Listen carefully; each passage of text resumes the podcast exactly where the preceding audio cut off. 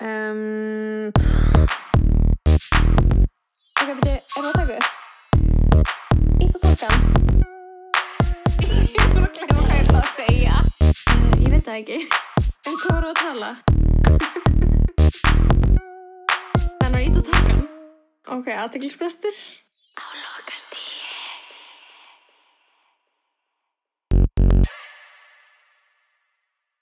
íttu bara, bara rekk, byrjum, bara, bara. þar. Byrjum bara byrjunni Hvað segir Herra, þið? ég, ég. Þú Lóa? Well, ég. Um, jú, ég er bara góð uh, byrja að veipa og uh, Nú er ég líka að veipa, nú er þetta veipstúdíóið Ég meina Sko- veip í lánin frá Lóu sem ástendur Frank Bar já, Svo því bókstala ekki neitt nei, ég fekk Hinn þetta megin stendur Twisted Apple. Já, þetta er gott veip sko.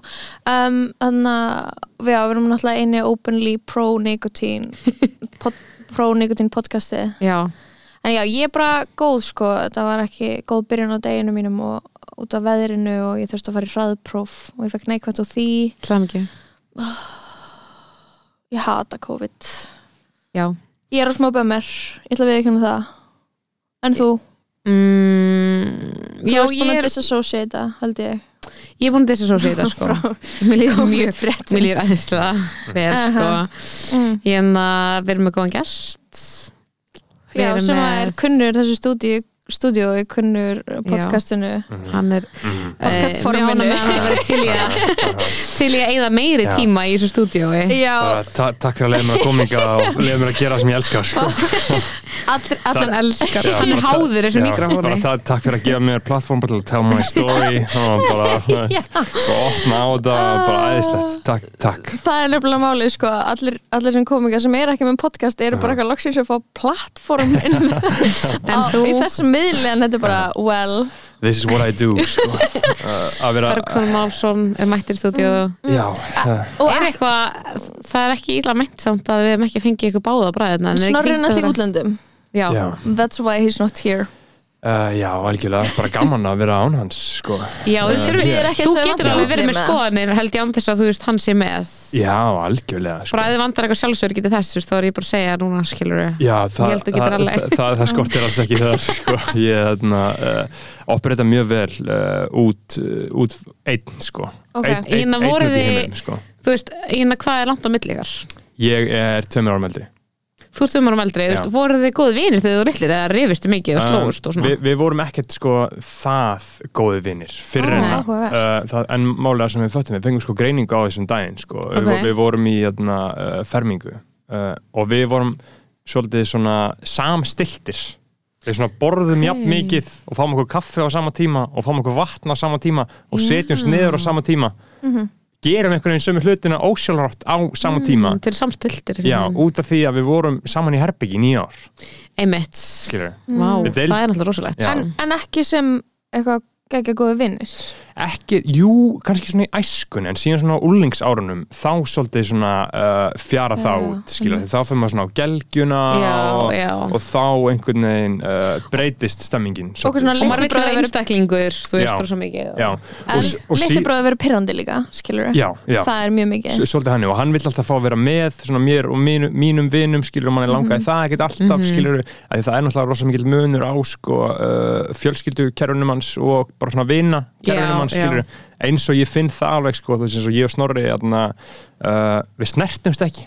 Oh my god, ég elska ég elska þetta sjóður hvað meinar þið? Eh, bara skilja hvað meina, þú veist, við, við hittumst ekki og tökum í höndin okkar öðrum eða knúsumst eða eitthvað eins, eins og ég gerir við aðra vinið mína skilur einmitt, já, þetta er skil annar, samningur í gangi Já, það er allt annað uh, dæmi í gangi, skilur og ég sé það miklu betur á honum ég veit alveg hvernig hún líður um leðið í síðan, Já, og hann já. eru gleinst þannig, maður skinjar einhvern veginn svona hluti öðruvísi Já. þetta er eins og þannig að við eigum alltaf rosalega mikið af uh, samilum vinum. Flestir vinnur okkar eru samilið vinnir Mhm. og þá kannski lappa ég inn í herbyggi og tekið spáðan á fimm gaurum, skilur, en við gerum það ekki.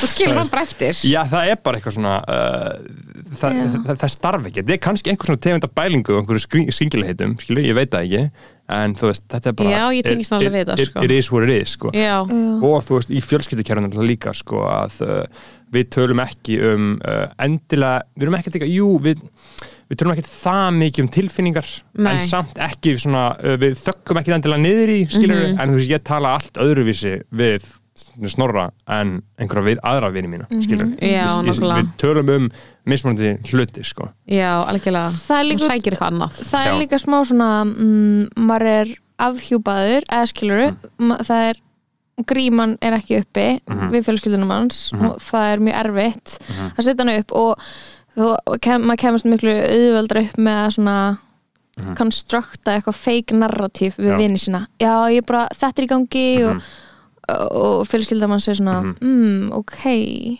sounds fake.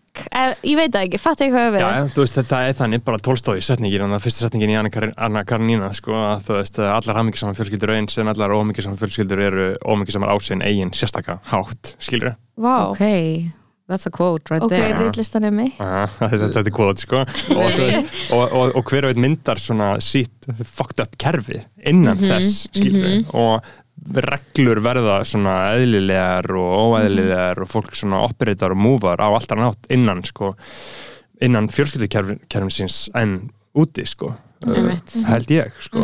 Þannig að það er mjög áhvert að hugsa út í það hvernig það breytist sko. Uh, já, Ég er ánað að við byrjum í svona fjölskyldu pælingum, ég ætla að fara að taka eitthvað svona meta podcast dæmi, eitthvað svona adressa að vera með taka við, viðtöl við aðra pod, podcastara og þurfa svona að tala um það hvernig er að vera með podcast. Mm. hvernig, hvernig, hvernig finnst ykkur um podcast? Nei. Nei, uh, uh, Hvernig finnst mér það? Uh, Uh, mér finnst það geðvitt gaman þegar það gengur vel Mhm. og bara hræðilegt þegar mér finnst það ekki ganga nógu vel. Og hver, hvernig mæli hvernig mæli það að ganga vel? Tilfinningin eitthvað þinn eftir, eftir þáttinn. Að vera dreinaður eða chargeaður Já, og líka bara svona veist, stundu finnst mér ef ég geti svona list eitthvað svona sem ég er sem ég svona persónulega er ekki ána með eða mér finnst ekki ganga vel þegar ég tek mér á mikið í fang Mm. og ætla að segja og tala um eitthvað Mhm. en skil ekki alveg sjálf það sem ég er að tala um já. og við eigðum og maður eigður ógeðslega mörgum orðum í að reyna að komast að einhverju þú veist og maður er eitthvað neginn einhver nær og maður er nokkuð við sem þetta hafi ekki verið skemmtilegt. Já, já. það finnst mér, ég veit ekki, ert þú ert ekki að tengja? Mhm. eða, jú, þú veist Mér finnst bara aðalega bara erfitt skilur að þetta er, þú veist, þetta podcast er eitthvað svona smá byggt að því að maður sé ekki að stjórna því sem að fer út of mikið. Mér finnst það alveg, En- erfitt en sko, svo að er það- því sko. Og að fólk sé ekki eitthvað að miskilja að fólk sé ekki eitthvað svona að ég veit ekki, mann langar ekki að vera bara eitthvað just another bullshitter skilur já, um en mitt og því er að það maður það kannski bara. Nei, og því að það er náttúrulega það sem eiginlega öll podcast gera á á Íslandi er bara eitthvað either rec, tjú, Mhm. either stop. Og, Já. og þú veist, og bara láta gamminn geisa Mhm. og fyrir utan eitthvað svona skipulagt útpælt morgasti eða ljósa sögnur eitthvað. Mhm. og þá er maður svona eitthvað úf, þú veist, já, þá þá maður einhvern veginn sjálfur að vera að edita Mhm. live, eða skiluru að beilum á þessu topiki eða skiptum um, umræðefni sem er vöðið sem að þjálfast mjög vel sko. Já, en, en svo líka þú veist, annað sem er þannig að mann langar að vera fyndin ég vil að þessu fyndnir þættir Mhm. og það eru bara dagar sem það er ekki hægt Nei, nei. og það er bara ógislega erfitt Já. og, því, að- og, já, og, hana, og þá þú veist, þá hana, og því að svona dagar þar sem ég er ekki fyndin eða mér, mér finnst ekki neitt fyndið þá er mér bara fínt að þú veist það sé ekki hana, þá er ég ekki að eitthvað svona I don't know, tala publicly skilur einmitt. Einmitt. Einmitt. Æ. Hjá, hjá, hjá mér er alltaf regla nummer eitt í podcastum uh, aldrei segja uh, ég veit ekki hvort ég var að fara með þetta. Já, aldrei bakka út úr því sem þú segir sem, ok, sem, sem, það þú, male, male confidence. Já, sem þú varst að tala um Lóa þú veist, þú byrjar að tala um eitthvað Já. og bara sama hvað, þú veist út farin á ranga braut skilur, þú veist út byrjar að búlsita Oh bara halda áfram skilur, bara halda Vá, áfram. er Það- er lítið búið ógíslega mikið af fólki sem gerir þetta og Já. það er mjög slæmar aflega fyrir heiminn. Já, já, já, þú veist. Þú ert að lýsa bara male confidence Já, já, bara já, já. Í kjar, kjarnar sínum. Já, ég meina, þú veist, en það er bara pot er svona male confidence og okkar er svona female insecurity. Þú veist, uh, það, það, það er verið að túka hann en ég þe- þetta er eins og það, þú veist, maður þarf að vera með male confidence, skilur þú veist, allir ætti að vera með Já, það, þá væri heimurinn betri.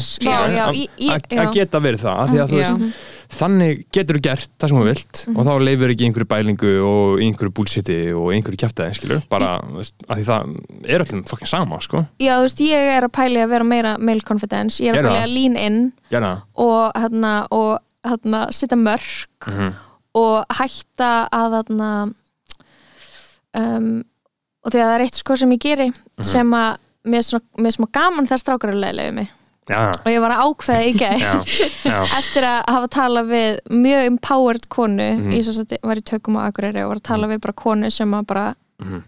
tekur engu kjæftaði frá Mhm. karlmönnum já, já. og ég var eitthvað Nice. svona og hún er miklu yngri en ég og ég á að vita þetta Mhm. en ég bara ef að Gaur sendir mér eitthvað leiðilegt þá er ég eitthvað mm -hmm, Intriguing. Fyndið.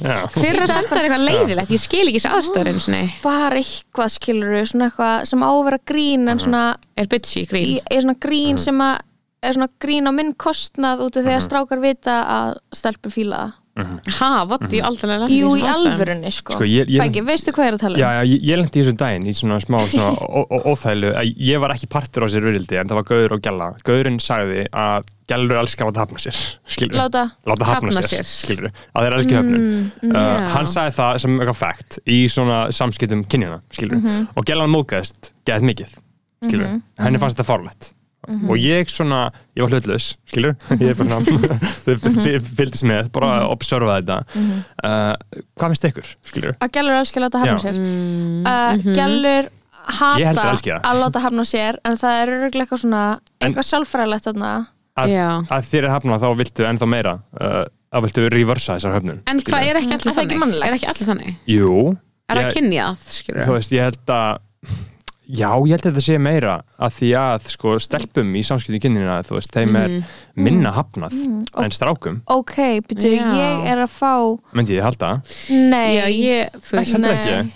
ég, út af því, út af því að þú veist, samskiptum kynninina hann er að gaurin þarf að hafa uh, gera fyrsta skrefið, skilur já, og það, og það er svona leiðilegasta höfnunin skilur mér finnst stelpur allavega svona í kringum mig Mhm. stelpur sem ég þekki hafa mjög oft frumkvæði að því að láta eitthvað gerast með gaurnum út af því að strákurinn er of órugur eða of mikið Mhm. eitthvað svona hér og, og hann veit ekki hvað hann á að gera Mhm. þannig að stelpunar verða að taka oft take charge Mm. taka ábyrð á því að Mm. við hittumst aftur eða verða eitthvað úr þessu já, já, og hann að ég veit ekki, ég veit samt hvað áttum við með strákar fyrsta múfið Mhm. stelpur, hann að þetta nú bara, það er bara að vísa, vísa fólki á John Berger, Ways of Seeing Mhm. að tala um konunnar uh, pass, passífi konunnar Já, að það já er falið, að konur þurfa að vera passífar að býða eftir aðtegli frá karlmennum, Mhm. býða eftir að vera séðar. Við málum okkur, við gerum okkur til við gerum okkur bara einhvern veginn, approachable og Mhm. Já. aðlandi til þess að, vesen. til þess að Ég býða eftir þú átt mann og bann ég er að tala um svona Já, ég skil. já, Já, en já. þú veist þannig að uh, og þú ert kannski ekkert eitthvað svona mest typical kona í heimi, skilur við Yes, þetta var sem ég var að býða eftir en- að heyra. Alltaf með því not like other girls. Not like other girls. En eitthvað svona, vera alltaf reddi að vera þarna séð og þarna approached af er fakt, Og- algjörlega. og, og, það, og það er þannig. Mhm. og strákar í action mode og stelpur eru passívar. Og það er mjög lítið valdeblandi Mhm. þarna Staða. staða til að vera í skilur út af því að það þarna, já þú ert í byðstöðu og þú þarna, ert ekki að ákvað, ákveða eigi líf Einmitt. skilur einmitt og, þarna, og ég held að sé líka smá þannig að mjög margi kallmenn eru hrætti við konur sem eru ekki svona Mhm.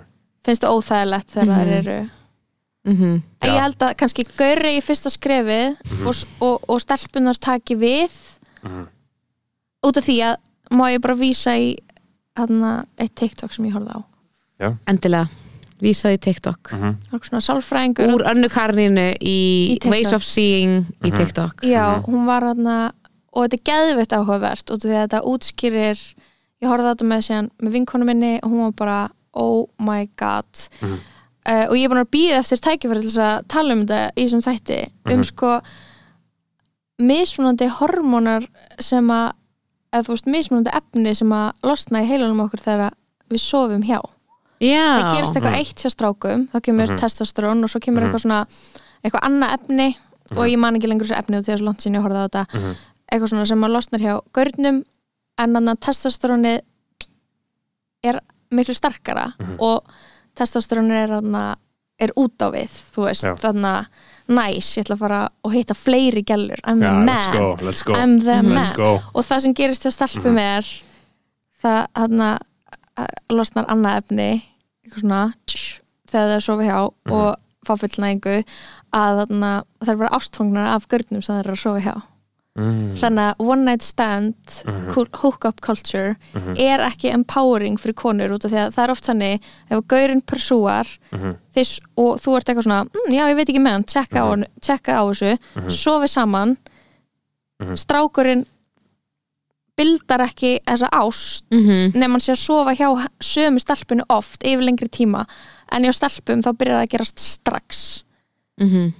Og er það- þetta, er þetta og ví- þarna vísindalegt er- fakt? Já, þetta er vísindalegt fakt Ok. bara efnin í heilanum hormón sem losna við hormón sem losna. kannski fullnægingu og það útskýrir mjög vel mm. klísuna um þannig að þegar lesbjur kynnast þá byrjar það strax saman Já, já, já, Og að- Já, ok, það er eitthvað já, það er eitthvað svona eitthvað trope skilur er tróp, sko, Já. klálega og það getur útskýrt grændir mjög vel líka já. Og, og þetta er valda ójabæð Mhm. í þarna í þarna samskiptum kynjana er að þú verður attached þessum Mhm. gaur Mhm. en hann er ekkert endilega að spá í þér Einmitt. og þú þarfst að býða eftir því að hann byrja að upplifa sömu tilfinningar og þú Já, og þetta er kannski smá svona að því að, að þegar þú vorst að segja að gælur elska höfnun ég hugsaði bara eitthvað, á ég hata höfnun skilur, Mhm. þú veist, ég er bara já, svona ég er alveg bara að gera það líka sko. svona- og hún er það verður stór mikið heimi en Mhm. kannski höfnun og síðan að vera samt, samþykkt eftir höfnun Mhm. það er, ég Já. elska alveg þá tilfinningu Redemption ég get alveg farið í, þú veist, Já, já. mjög svona leiðilega hluta sjálfur Mhm. mér, það sem að einhver Mhm. er kannski leiðilegur við mig eða hafnar mér, eða þú veist mm Og tekur years back, skilur Já, já. hérna, og, og er síðan eitthvað til í annarkort, Mhm. Já, finnst þið koma- skemmtileg koma skríðandi tilbaka. skil, tilbaka Já. þú veist, þú elskar það en ég elska ekki, þú veist að vera hafnað og ég er Nei. ekkert endilega eitthvað svona tvíeld við höfnunina ég er Nei. ekki eitthvað svona að fæ höfnunina bara, ok, let's get this eitthvað Mhm. going, skilur og er eitthvað, það er ekkert eitthvað makeover montage og Nei. skilur Einmitt. og ég er að hlaupa neyri bæ að leita görnum en skilur Nei. þannig, að- já. þannig að svona, það er það sem ég tengi ekki við en ég Mhm. tengi alveg við þetta redemption skilur einhver, Mhm. einhver sem var kannski þú ert að tala um að þú var svona fílar gaur sér leiðileg við þig, það er kannski eitthvað svona Mhm. tengið þessu bara eitthvað svona, gaur er leiðileg við þig og síðan vill hann samt einhvern veginn vera með þér þá ertu eitthvað svona Mhm. ok, against all odds það er eitthvað, en þetta er líka eitthvað svona sjúku kultúr sem að þú veist, Já. hefur kannski búið þetta til skilji, Mhm. svona bíómyndir eitthvað svona það sem við sjáum gellan og gaurinn, nanna sem hata hvort annað, Mhm. en eru sálufélagar Já, það er náttúrulega mjög, mjög áhört sko, að, að- í þessu og heyra sko, viðþorf hvenna við, við, í, í, í þessum við erum málum fyrstu sko. konur sem að Bergþóri hitta þannig að það er alveg algjör heiður fyrir en, okkur. en, en sko nei, því að ég náttúrulega ég hlusta mikið á podcast ykkar og hérna, uh, hlusta líka á uh, eina KFK kontentið sem að ég innbyrðið eru klaðvörp skilur veist, ég er bara að væla að ljúa ég hlusta bara á kalla tónlist skilur svo hlustar hann að mikið KFUMK og, og, og hlusta bara á uh, horfi bara á kalla bíómyndir og les bara kalla bækur, skilur þú veist, ég hlusti á ykkur hlusti á rétt sker uh, og það er sko mjög nærandi fyrir mig sko, uh, þú veist, og ég, svona, ég læri rosa mikið og fæ svona nýtt perspektíf á þetta, út af því að veist, það er svo fucking mikið sem maður veit ekki og sem maður gauður að veit ekki, sko, pæli því, veist, fyrir tveimur árum vissi ég, vissi ég ekki hvað tengsl væri skilur, hlæði bara í mækin skilur, bara, það, það bara var ekki eitthvað sem var bara inn í heilinum á mér skilur, og gaurar alast upp sem svo miklir emotional midgets sko, uh, og þar með ég, þar með talin líka sko.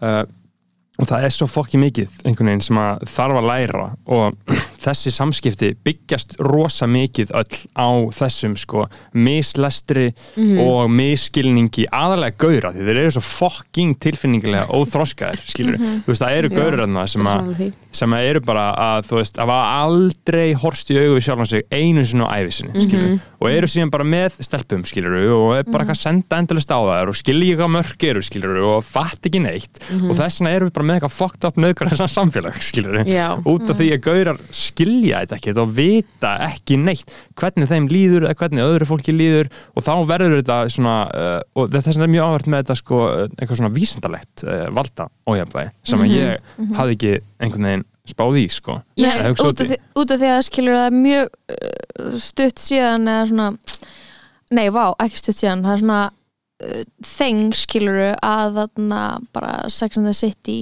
Mhm. bara, og bara frjálsar ástir 70s feminismi Mhm. bara við við þarna erum frjálsar og getum bara, þú veist bara og við erum að getna varna pillunni og bara Já. þurfum ekki að vera fastar í hjónabandi du, du, du, du, du, Mhm. og eitthvað og það er ógeðslega áhugavert að vita að það er raun, rauninni örugara fyrir okkur félagslega að fara inn í kerfið þarna gamla kerfið sem að er traditional Já. að þú finnur Já. einn og þið eru saman út af því að annars ert Mhm. þú að þarna, þú veist, bara hjartaðið er brotið Einmitt. all the time Aha. skilur þannig að hitt það meira öryggi fyrir okkur í hinnu Já. og þegar þá, jú þó að hafi oft þú veist, eitthvað verið svona semi-socially acceptable að karlmenn Mhm. haldi framhjá, þá er þeir samt skilur financially Mhm. þú veist eru þeir með þér, Já, mig? já, og, þeir, já. og þeir eru saman í þessu og bara börnin fá pening frá honum og þeir eigi heimilið saman. En þarna í þessu dæmi þar sem að maður getur verið all over the place þá er þarna er skildur karlmann síns Mhm. gagvart þér Bara engar, engar, út af því að þeir eru búin að gera samkomulega um að það er, það er hookup culture, já, one night stand já, Mhm. du, du, du, du, du og að, að sjá eitthvað svona þessa útskýringu, þetta er efnafræðilegt Mhm. Og horfa á þetta með vinkonu minni sem að hefur bara þú veist einmitt, við höfum marg oft bara eitthvað, mm, já, þessi smá sætur, já, áhugavert eitthvað, Mhm. hvað er skotin í honum svo gerist eitthvað, maður eitthvað hittast og maður eitthvað ok, við, hana, við kynntumst og núna er hann ekkert að tala um mig var hann Mhm. ekki að eiga sama date og ég Mm. Skilja Bara mig. já, og, já, bara, og hvað hva gerðist þannig að bara hatar hann mig? Já. og það er svo næs að vita að hefur ekkert með mig að gera. Það er er bara, já, þetta er bara biological.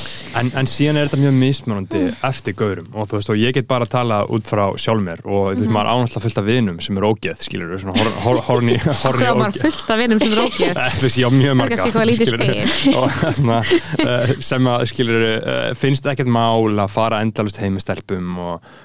og fara á endalust stefnum út og vera alltaf eitthvað á fucking Tinder og Instagram og öllu seti sem ég tengi lítið við sko, veist sem, að, sem að ég bara ábyrð, þú, að bera, þú ert að axla ábyrð þú veist, axla ábyrð og ekki og síðan er það líka alltaf bara það þú veist, eins og við, uh, ég og minn þerapisti höfum, höfum, höfum rætt fyrir teimi Já. out á þerapistan sjátt á hana maður, hún bara uh, hún kemur hún gett með margt sko. uh, eins og við höfum rætt sko. þá er þetta bara mjög mis, miservitt fyrir menn sko. veist, eins og svona það uh, og ég vissi ekki fyrir en ég byrjaði þar fyrir tveimur árum uh, út af hverju nákvæmlega þetta var skilur, að var, ég var alltaf geðið kvíðin bara að hitta stelpur skilur, það var alltaf bara, og er það eiginlega ennþá skilur, en svolítið búin að sigra staði skilur, en þess við tölum um sko, svona mín glóð og minn marblettur er í, því, er í þessu skilur, veist, en síðan er ég ógislega góður í praktísku hliðinni skilur, það, það er þetta male confidence sem, sem maður tala um að þú veist, ég efast ekki um mig í eina sekundu þegar kemur að neinu sem er langur til að gera Já. langur til að framleiða eitthvað, langur til að keira eitthvað að stað, langur til að segja eitthvað langur til að púla upp á einhvern Mhm. sérstaklega kalla,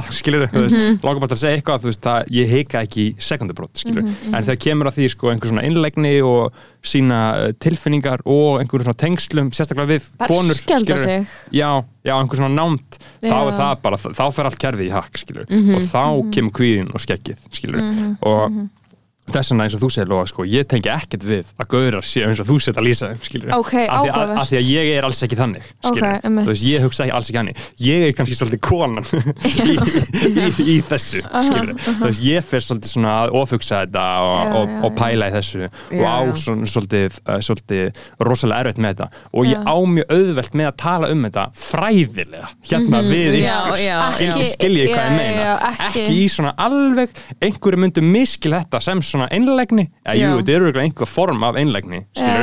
Uh, en þetta er samt fræðileg greining á mínum einu vandamálum sem ég já. á svolítið auðvelt Þú með getur að orða þig henni Já, þú ég þú dissociata getur- einhvern veginn og get svona hort á þetta uh, ofanfrá sko. og þess vegna skil ég ekki þess vegna koma, sko, kemur hegðun karlmanna mér alltaf á skilur. Já, þú veist, þegar ég er að lesa einhver svona, þú uppáhaldstjóta mitt sem ég les sko, er, þú veist, það eru lekin svona message frá gaurum, bara svona sem að gerist stundum, Já, já. og maður sé bara þetta fucked up, ógeðslega kjafta sem gaur er að senda og það er Já. svo fjarrir mér að geta ímynda mér að tala svona eða, eða hvað þá að hugsa svona skilur. En það sem þú myndir þurfa uh, ég, ég er núna bara að tólka skilur Mhm. þú þarfst að vera kannski aðeins meira þar skilur mig þú, veist- Mhm. Veist ekki þessi gaur sem að fer yfir mörg og er, Mhm. en þú veist þá er responsið þitt, hvíða responsið þitt Mhm. að vera eins, þú veist, alls, alveg bara sem Já. ég ekki senda neitt Já, Eða, það, það, það, var alltaf hannig hjá mér sko.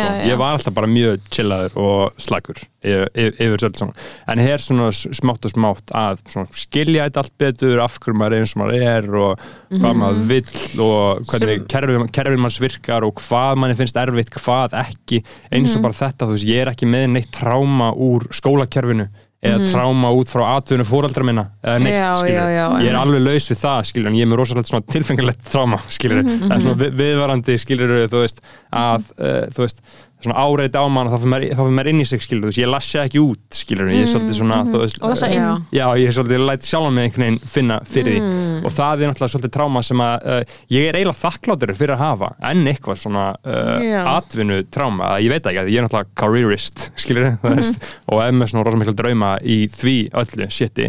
Og ég held að sé kannski mögulega erfiðara að uh, lækna það enn eitthvað svona tilfengalegt Já, ég veit það ekki.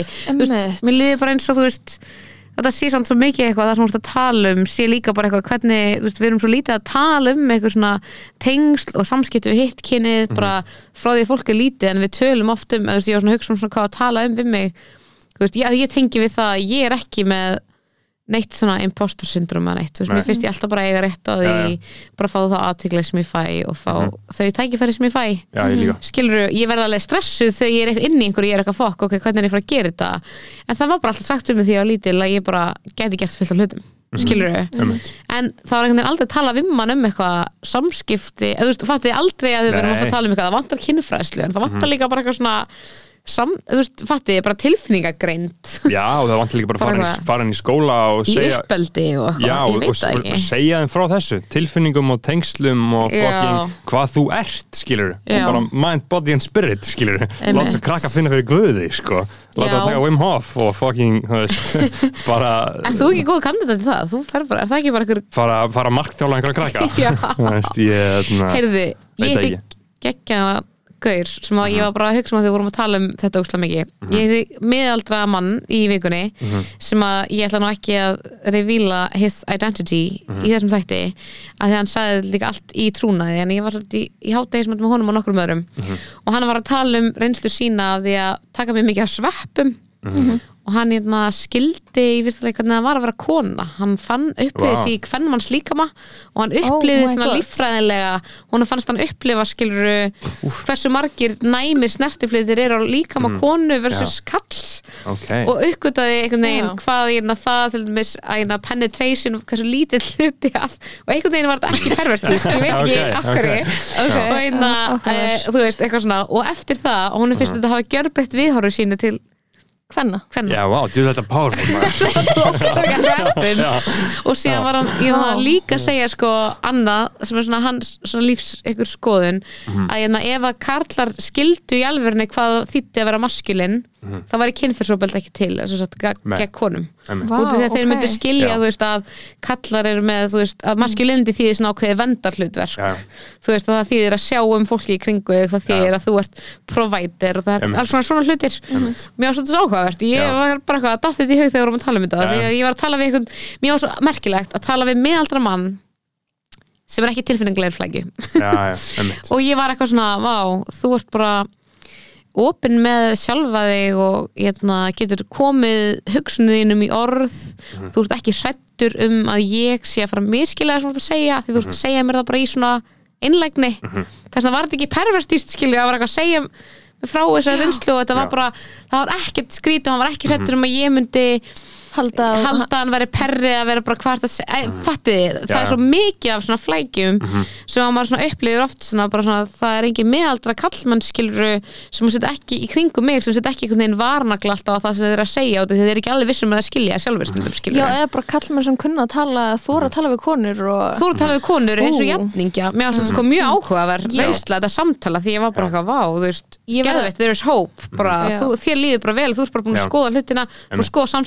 Annað fólk þú ert búin að, þú veist, þetta var geggja sko. og hann er náttúrulega eins og margir er hópurinn alltaf fólki sem er svona meðaldra á Íslandi sem er að taka þú veist, ayahuasca og sveppi next level sko. Þetta sko. er sko Já, já. hei- heimur Já, já. sem að við sko vitum ekkert Mhm. Hérna, sem ég svona heyri stundum svona miðaldra, kannski vini fóreldra eða eitthvað þannig tala um skiluru og ég átta mig á að þarna er eitthvað svona undirheimur mm þau eru ekki að tala um þetta í vinnunni eða eitthvað. Þau eru ekki að tala um þetta í fjölmiðlum sem að við bara höfum ekki hugmynd um hversu stór er Nei, ég held að þessi alveg mjög stórt sko. og ég held að þessi bara hefur góða Ég held þessi geggjað, Að- að sko. playa heita þetta eitthvað, það er fucking low IQ sko. Við bara leiðum þessi fólki bara að gera sem við vilja sko. og Þetta var góð uppgötin hjá hann sko. Vá, maður að koma sér líka með konu sko.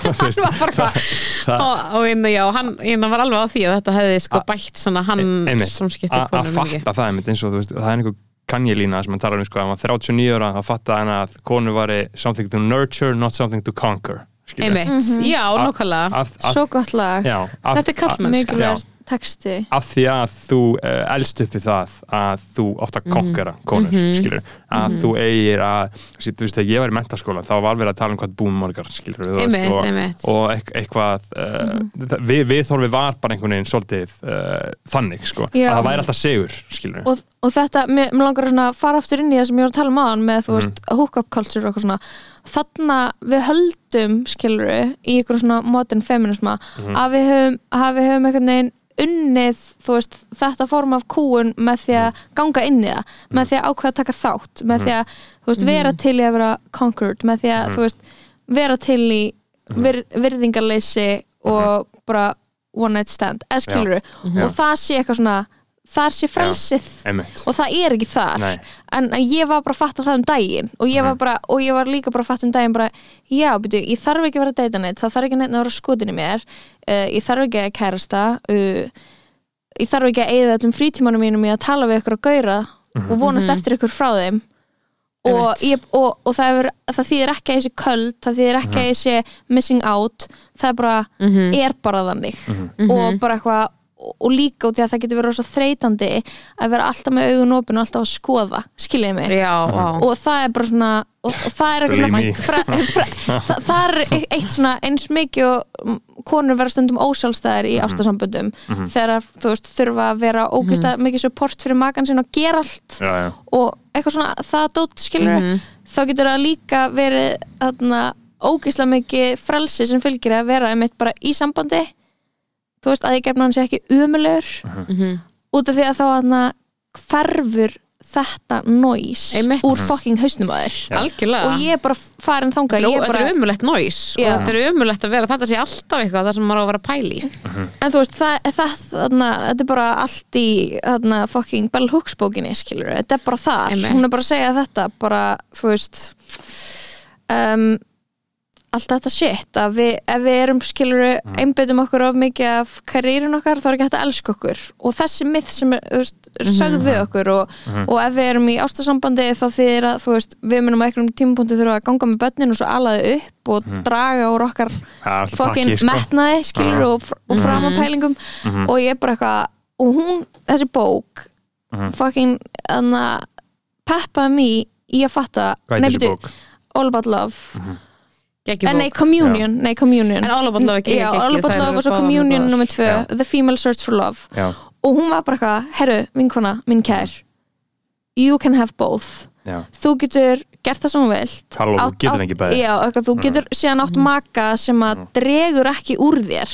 Já, Fó- já. og dregur þig og, og reynir að, þú veist, minka þig. Bara stiður þig og, og, bara eitthvað, nærir. og þeir geti átt í, í góðu Mhm. ástasambandi og ég var eitthvað að Já. lesa þetta og ég var eitthvað bara, hvort sem þetta er satt eða ekki hvort sem þetta eitthvað tímann gerast bara það að ég trú þessu er bara huge Já. change, fattiði mig? Já, já, já. Út af því að ég bara eitthvað ég komin í eitthvað svona svona viðþorfi haustum á manni þar sem maður er bara eitthvað ef þetta er, sam, ef þetta er ástasamband Mhm. then it's gonna be painful og erfitt. En ég held að þessi hugsunum með þetta með eitthvað tengsl vinnu og ástarsambanda og það sé eitthvað svona vel, val sé ekki einu sinni, þú veist, fer hún í gegnum einhvern veginn til dæmis huga þinn Bergþór, skilur þú, svona sem, ef þú tala fyrir the male species Já, skilur hvað ég meina? Já, já, Þú alls veist, ekki ég var alltaf inn að hugsa Alls bara, vá, myndi bara einhvern tímann hugsa þetta að maður væri Já. gaur, skilur Nei. maður myndi vera bara um maður myndi að what, það er þurfa kannski að forna Nice. ykkur í sambandi og uh, Það er bara hefur aldrei kvarlað mér einu sínu aðeins What? Aldrei, Nei. það veist, það, það, Nei. það, það uh, mér finnst bara mjög skrítið að, uh, að konur þurfa að hugsa hann, sko. bara, á ég segir okkur um maður hugsa það. Bara, ég get bara tekið hérna bara hérna trope sem er bara eiginkonu fótboltamanna. Wags. Ætl, já, bara ætl, ætli stelpunar sem flytja til útlanda með kærastónum sínum sem eru afreiks íþróttamenn hafa ekki langa kannski að gera eitthvað annað heldur en að vera heima. Þú veist, og, og þær eru að ná því kannski núna fyrst að gera eitthvað neginn bæði út af internetinu og Já. working from home skilur Mhm. en þetta er bara eitthvað svona dæmi í samböndum að makin sem frami maka sem stjórna ferðinni eru stráka til að séu ekki þeir. Mhm, einmitt. Hún er, ha- sáu við Malcolm and Marie Netflix myndina sem Sam Levinson gerði? Nei, Nei, Malcolm. um, hún heitir Malcolm and Marie Sam Levinson gerði hana sem gerði Euphoria. já, já. Þarna- og þau leiki í henni uh, Sonur Denzel og, eitthvað ekki ógæst að og- slama dó, dóma Jú, út af því hún fallar um dóma, skilur Já. uh, Sonur Denzel og Zendaya uh, leiki í henni og hún fallar svolítið um sko, hann er leikstjóri uh, hún er svona museans, skilur og þetta er Mm, svolítið svona muses get bruises skilur, Já, saga já. og gegn það var svona fekk hún svona slæma dóma. Það var bara einhver fucking haters maður, fuck the critics sko. Það Mm. Ok, ég- þannig bara að horfa á hana. Ég, ég, ég hef mjög gaman, hún er svolítið um þetta sko. uh, svona að, að kallin sé snillingurinn og að konan einhvern veginn fylgi honum út af því að aðal svona myndin, svona inciting incidentið er basically að hann glemd að þakka henni í ræðunni þegar hann vann einhver verðlun og síðan er bíómyndin Það eitt er stórt rifrildi út af því Það er skilur death, Ó, nice. Þetta er ekki mynd, ég mæli með henni sko. Ok, ég ég mæli með henni, hún, hún svolítið tala um þetta og þú veist, og svo finnst það að þessi hugsun hefur bara aldrei komið upp í huganum á mér Nei. að ég en, þurfa að fórna en svo er svo eina ótrúlega þú veist, svo er þetta svo misumandi skilur eins og ef ég tala fyrir mig skilur þá er ég bara átt þú ert í samtal öðru þessi sambandi já ég veit Mhm. að mm. þannig ég átt samtal bara við kærasta minn það sem að ég er bara, því ég er alltaf bara hvað er næst, hvað er, þú veist ég er ógislega metnaðafull mm. skilur, ég er Mhm. Já. ógislega svona ég vil bara eitthvað, er með eitthvað markmið og ég er Mhm. svona reyni að manifesta eitthvað, ég reyni að spyrja fólk bara, Mhm. ég spyr ógislátt fólk bara, má ég gera þetta, þú veist Uh, þú veist, ef mér langar að í eitthvað gig skilur þá bara spyr ég bara, má ég koma inn í þetta gig? Og du, du, du, þú veist. Uh, og, og kærasti minn er bara mjög, bara hann er svo ólík típa af mér. Mhm. og einhvern veginn var ég bara eitthvað langar þig ekki, þú veist, að því mér varst einhvern veginn var eigin svona samtalar sem að ég var bara í konfliktið við mig að því ég var bara eitthvað, ég er alltaf bara manneskjan sem er bara þarf að þarf þennan stuðning skilji Mhm. og ég var bara eitthvað svona, þú veist, er eitthvað sem að þið langar skilur að gera og Mhm. þú veist og áttum bara samtala sem hann var bara basically útskýra fyrir mér bara hvað er að gefa honum Mhm. mm. sömu endorfín og mér að bara eitthvað fá eitthvað gig eða eitthvað sem er bara eitthvað, honum er skeðveikt að bara búa sér heimili og bara sinna einhverjum áhugamálum sem hann er með Uh, og hún finnst gott að hafa öryggi og hún finnst gott að hérna, búa til fjölskyldu skilur bara eitthvað, nýtur þess ókslega mikið að, að, upp, að sjá um bara barnið okkar skilur og bara svona hans einhvern veginn bara tengingar eru allt öðru sem mínar. Bara allt öðru sem bara taugabrautir. Einmitt. hann er bara king sem er örugur í einn skinni og það er ekki Nákvæmlega. er samþyggi bara eitthvað- ókunnus fólks hann er bara eitthvað, ég er sáttur. Já. og ég er bara eitthvað, ok, what? Og þetta var Já. svo eye-opening fyrir mér. Já. að því ég var bara eitthvað, ha, ok þannig að þig langar ekki bara, þú ert ekki eitthvað ég ætla núna að sanna mig og gera þetta skilur, hann er bara eitthvað lengur búin að sanna sig. Hann er Mhm. Bara búin að vera tíu ár í starfinu sínu sem það sem, það sem allir elskan skilur og hann stendur svo vel í og hann langar bara að vera í því. En skilur við bara eitthvað, það er bara að finna maður að Já. gera alltaf ráð fyrir að allir hugsi Já, já. eins og maður Já, og þá ég- verður alltaf eitthvað konflikt Einmitt, ég fatt þetta fyrir svona tveimur, þreimur árum að allir hugsa ekki eins og ég skilur Já, það er svo crazy. Já. en þá er maður alltaf hérna bara, já, ok. En mér langar bara að þú veist ég held að það sé aðeins dýbra heldur en að maður sé, þú veist, að maður sé með frama og met, að að vilji frama og, vinn, og góðar vinnur og sem er metnað og eitthvað. Þetta er ekki bara út af því að maður er eitthvað svona brotin og er að reyna að fylla upp í eitthvað og maður þrá samþykja annara þetta er líka bara, maður er með hugmyndir Já, já. og maður er með drive Tilgang. og maður, og maður er eitthvað svona og, út af, já, og þú veist, það er bara hægt að vera með það í ykkur öðru, skilur Mhm. og eitt er ekkert þú veist, það gerir það ekkert eitthvað ómerkilegri þó þú sérst ekki going there Nei. en Já, já, sumir, er, nákvæmlega. en þú veist, sumir eru bara þú veist, langar eitthvað að do something Mhm. að ég veit það ekki, mér finnst svona ég, já, ég svona ég held að það sé aðeins og grunnskýring skilur út Að við ég- þurfum já, út, já, út af því Já, að já, þú veist að ég líka bara aftur að hugsa um það sem að Bell Hooks var að tala um. Hún var að tala Já. um skilur hún, hún er að lýsa, hún átti ykkur hjónabandi við ykkur, hún sem sagt er er í akademík og hún er giftist manni sem er aðeins komin aðeins lengra. Mhm. hann er professor eða eitthvað og hún er í doktorsnáminu sinu og þau eru saman og hann er gett supportive. Þangað til að henni er bóðið drauma jobb hinum einn í landinu.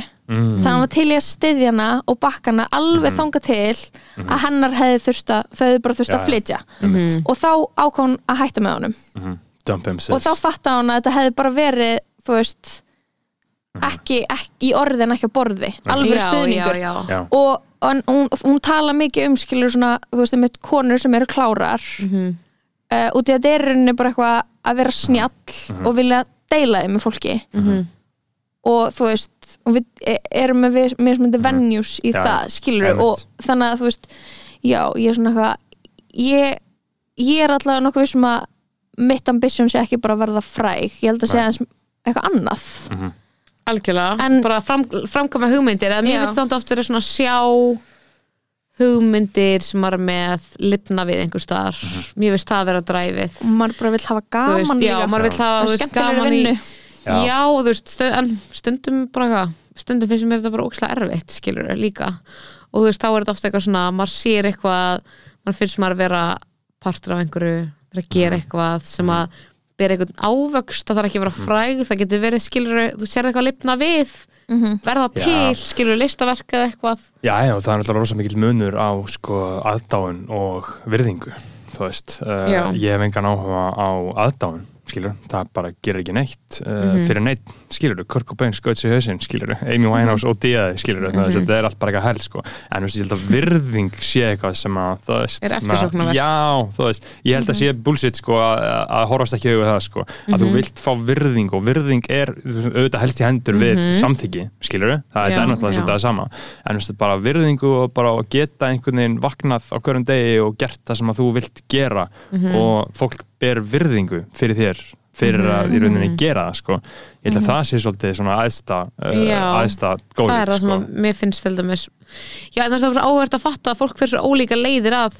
Já. hlutunum skilur þau, eins og ég að fatta bara að það er ekki allir e, þú veist, lífskeiðir er svo ólík fyrir okkur sumir eru bara eitthvað minn okkar gett mikið að finna leið til að ég geti unnið hæfilega mikið, bara aldrei of mikið e, og ég geti farið á eftirlaun snemma eða það er með eitthvað svona markmið sem að ég tengi ekki neitt við af því veginn er ekki með bara Já, þann ég heila, skil, ég skilur skil, ég skil. og annað fólk er kannski bara að vilja bara geta mikið að búa byggja upp, vera á sama vinnustanum byggja upp, gett gott þú veist, samstarfi fólk. Æ, þú veist, ég verð yrðalaus, þú veist, ég er með svo allt annað. Ég er með svo mikið mentaldi sem er bara eitthvað, ef ég er á sama stað í tvo mánuði þá er ég bara eitthvað, hvað er í gangi, skilur Einmitt, og það, það er mjög erfitt sko, að uh, komast að þessu nákvæmlega hjá sér sko. eins og ég er búin að fatta alltaf meira og meira sko, að ég er með jú, einhver svona mat- materialísk markmið og eitthvað svona stöf sem ég langar til að gera og er rosalega spenntur fyrir því. En það helst svolítið í hendur við sko andleg markmið skilur Mhm. að drepa sig skilur og Já, geta já. Mhm. skilur fundið fyrir ást skilur og geta bara svona tekið alla komplexana sína í burtum ég finnst það alveg jafn mikilvægt Mhm, og að gera bíómyndir og sjómanstætti Já, og allt þetta og þess að ég veit, veist, ég er mjög bjart sín fyrir framtíðinu, ég veit að allt er að fara að gerast, skilur Mhm. og þú veist, það er eins og þú að tala um án og að þú veist að að finna, finna og skilja mig líka hann og þarft í eitthvað stöf sko, mm -hmm. og ég held að það, það sé mjög svona uh, mikilvæg vittneskja til þess að geima í líkánum á sér Það er sko, og það, hey, that's God sko. Ha. Já, Tókstu eitthvað á sambandi? Ég heyr ekki ger, ha, nei þú erst ennþá að tala. Já, ekki? Háttalarinn datt bara út eða eitthvað? Já, já, er þetta heyrnartólin? Heyrðartólin, Já, já, ekki sorry. Já, Ég bara Er heyrði allt í allt í góðu? ekki nefnum Já, Sko, hann að uh, Já, ég, ég er smá þar líka út Ég er bara eitthvað e- Ef ég er bara eitthvað human garbage andlega, þá er Mhm. ekkert að því episka sem ég langar að gera að fara að vera eitthvað næs Já það, það er rosa Það er ekki bara að geta notið þess og það er alltaf hjá mér, það er alltaf svona tilfinningulega vandamál að Já. trubla þetta Já, good shit sem ég er að já, gera já, já. skilurðu. og þá, þá er erfitt að samtíðina það sko. ég meina, já, þú veist Ég er klálega bara ekki búin að vera í bara svona smá bara svona léttu, svona eins og burnout ástandi, skilur í nokkra mánuði og ég er svo mikið að finna fyrir því bara að þá er ekkert skemmtlegt þú veist, þá er allt annað. Já. þú veist, þá bara skiptir ekki máli bara hvort þú sést með ógíslega marga bolt á lofti og þú færið einhverja pínu satisfaction úr því að vera að ná að halda þeim á lofti skilur en samt svo ógíslega litla ánægju skilur þannig ég er svona búin að vera markvist að bara svona þú veist, reyna að dreifa þessum boltum og bara vera eitthvað. En þú veist, já, þetta er bara algjör klísja skilur en þetta er bara eitthvað þú getur verið ógíslega successful en bara ef þetta er ekki Nei, þetta helst í hendur sko. Já, og þetta, þetta, þetta vissu fóreldrar okkar ekki sko. Nei, they didn't know about this shit sko. þau voru bara þetta veist, þau voru bara að reykja sígarettur og fucking Já. drekka fjóra dagi Já, viku já. og bara skölna sig í gang og Já. bitur og afbríðsum og fucking leiðileg og neikvæðir heitirar skilur Mhm. þú veist, við vitum að við erum ekki að fara í því sko, veist, við vitum að þetta helst í hendur skilur þú veist Já, og bara eitthvað núna er smá næs að vera 28 ára Mhm. og þið er eitthvað ég er svona eitthvað, ok uh, ég er ekki frá að vera barnastjarna. Nei, skilur nei, og, ég, og ég er ekki lengur ung og efnileg á einhverjum svona, í einhverjum skilningi. Mhm. og núna er ég bara eitthvað að það er allt svona, það er svona fjarar út svona smátt og smátt. Bara eitthvað og ég þarf ekki að vera komin á eitthvað stað Nei, fyrir einhvern aldur. Út af því að allt sem ég geri veist, allt sem ég hef ge gert sem að svona hefur verið eitthvað svona stoppað eitthvað það er líka, það er líka búið að vera mjög mikilvægt að ég hafi þú veist in my 20s eitthvað farið til útlanda og verið ekki að gera neitt nema að klifra já, í marga vikur og eða þú veist forgangsraði ég bara eitthvað ferðast á sumrin og ekki verið í ykkur vinnu eða án gríns. fari, fari listnámi í stæðan fyrir að fara í eitthvað praktist choose life sko. já, og ég er bara eitthvað já, og ég er bara búin að vera að hafa það næs. Ég er bara búin að vera í eitthvað alveg ágætum svona vinna frí balans og ég er eitthvað, já og eitthvað, whatever eitthvað,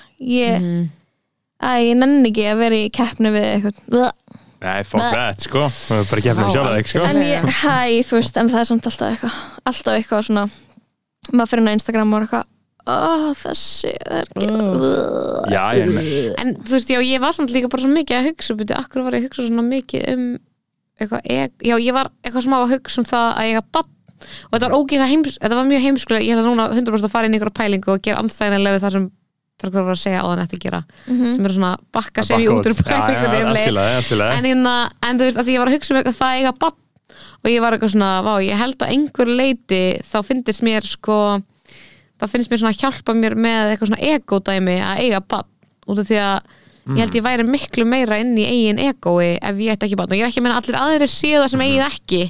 En ég bara svona var að eiga eitthvað moment þar sem ég var bara eitthvað, oi, þú veist eitthvað, ef ég hefði meiri tíma til að pæla í raskatinn og sjálfur mér, þá Ja. held ég ég væri sko á verri stað. Og það, ég er bara að tala fyrir mig, skilur bara ég væri bara eitthvað þú veist, af því að já, bara hversu mikið er, það er hægt, sko fyrir okkur öll held ég þá er alltaf að fara bara verða fleiri og fleiri vinklar á raskatinu okkur til að pæli svona eftir því sem líður á þennan, bara það sem er að gerast í heiminum skilur, bara eitthvað Instagram, bara þetta samfélagsmiðlar og þetta dæmi, mér finnst að það er alltaf verið að gefa okkur bara svona fleiri og fleiri hluti til að pæli við okkur sjálf. Já, bara fleiri hluti það er sem svo við Já, já. exhausting skilur Já, já.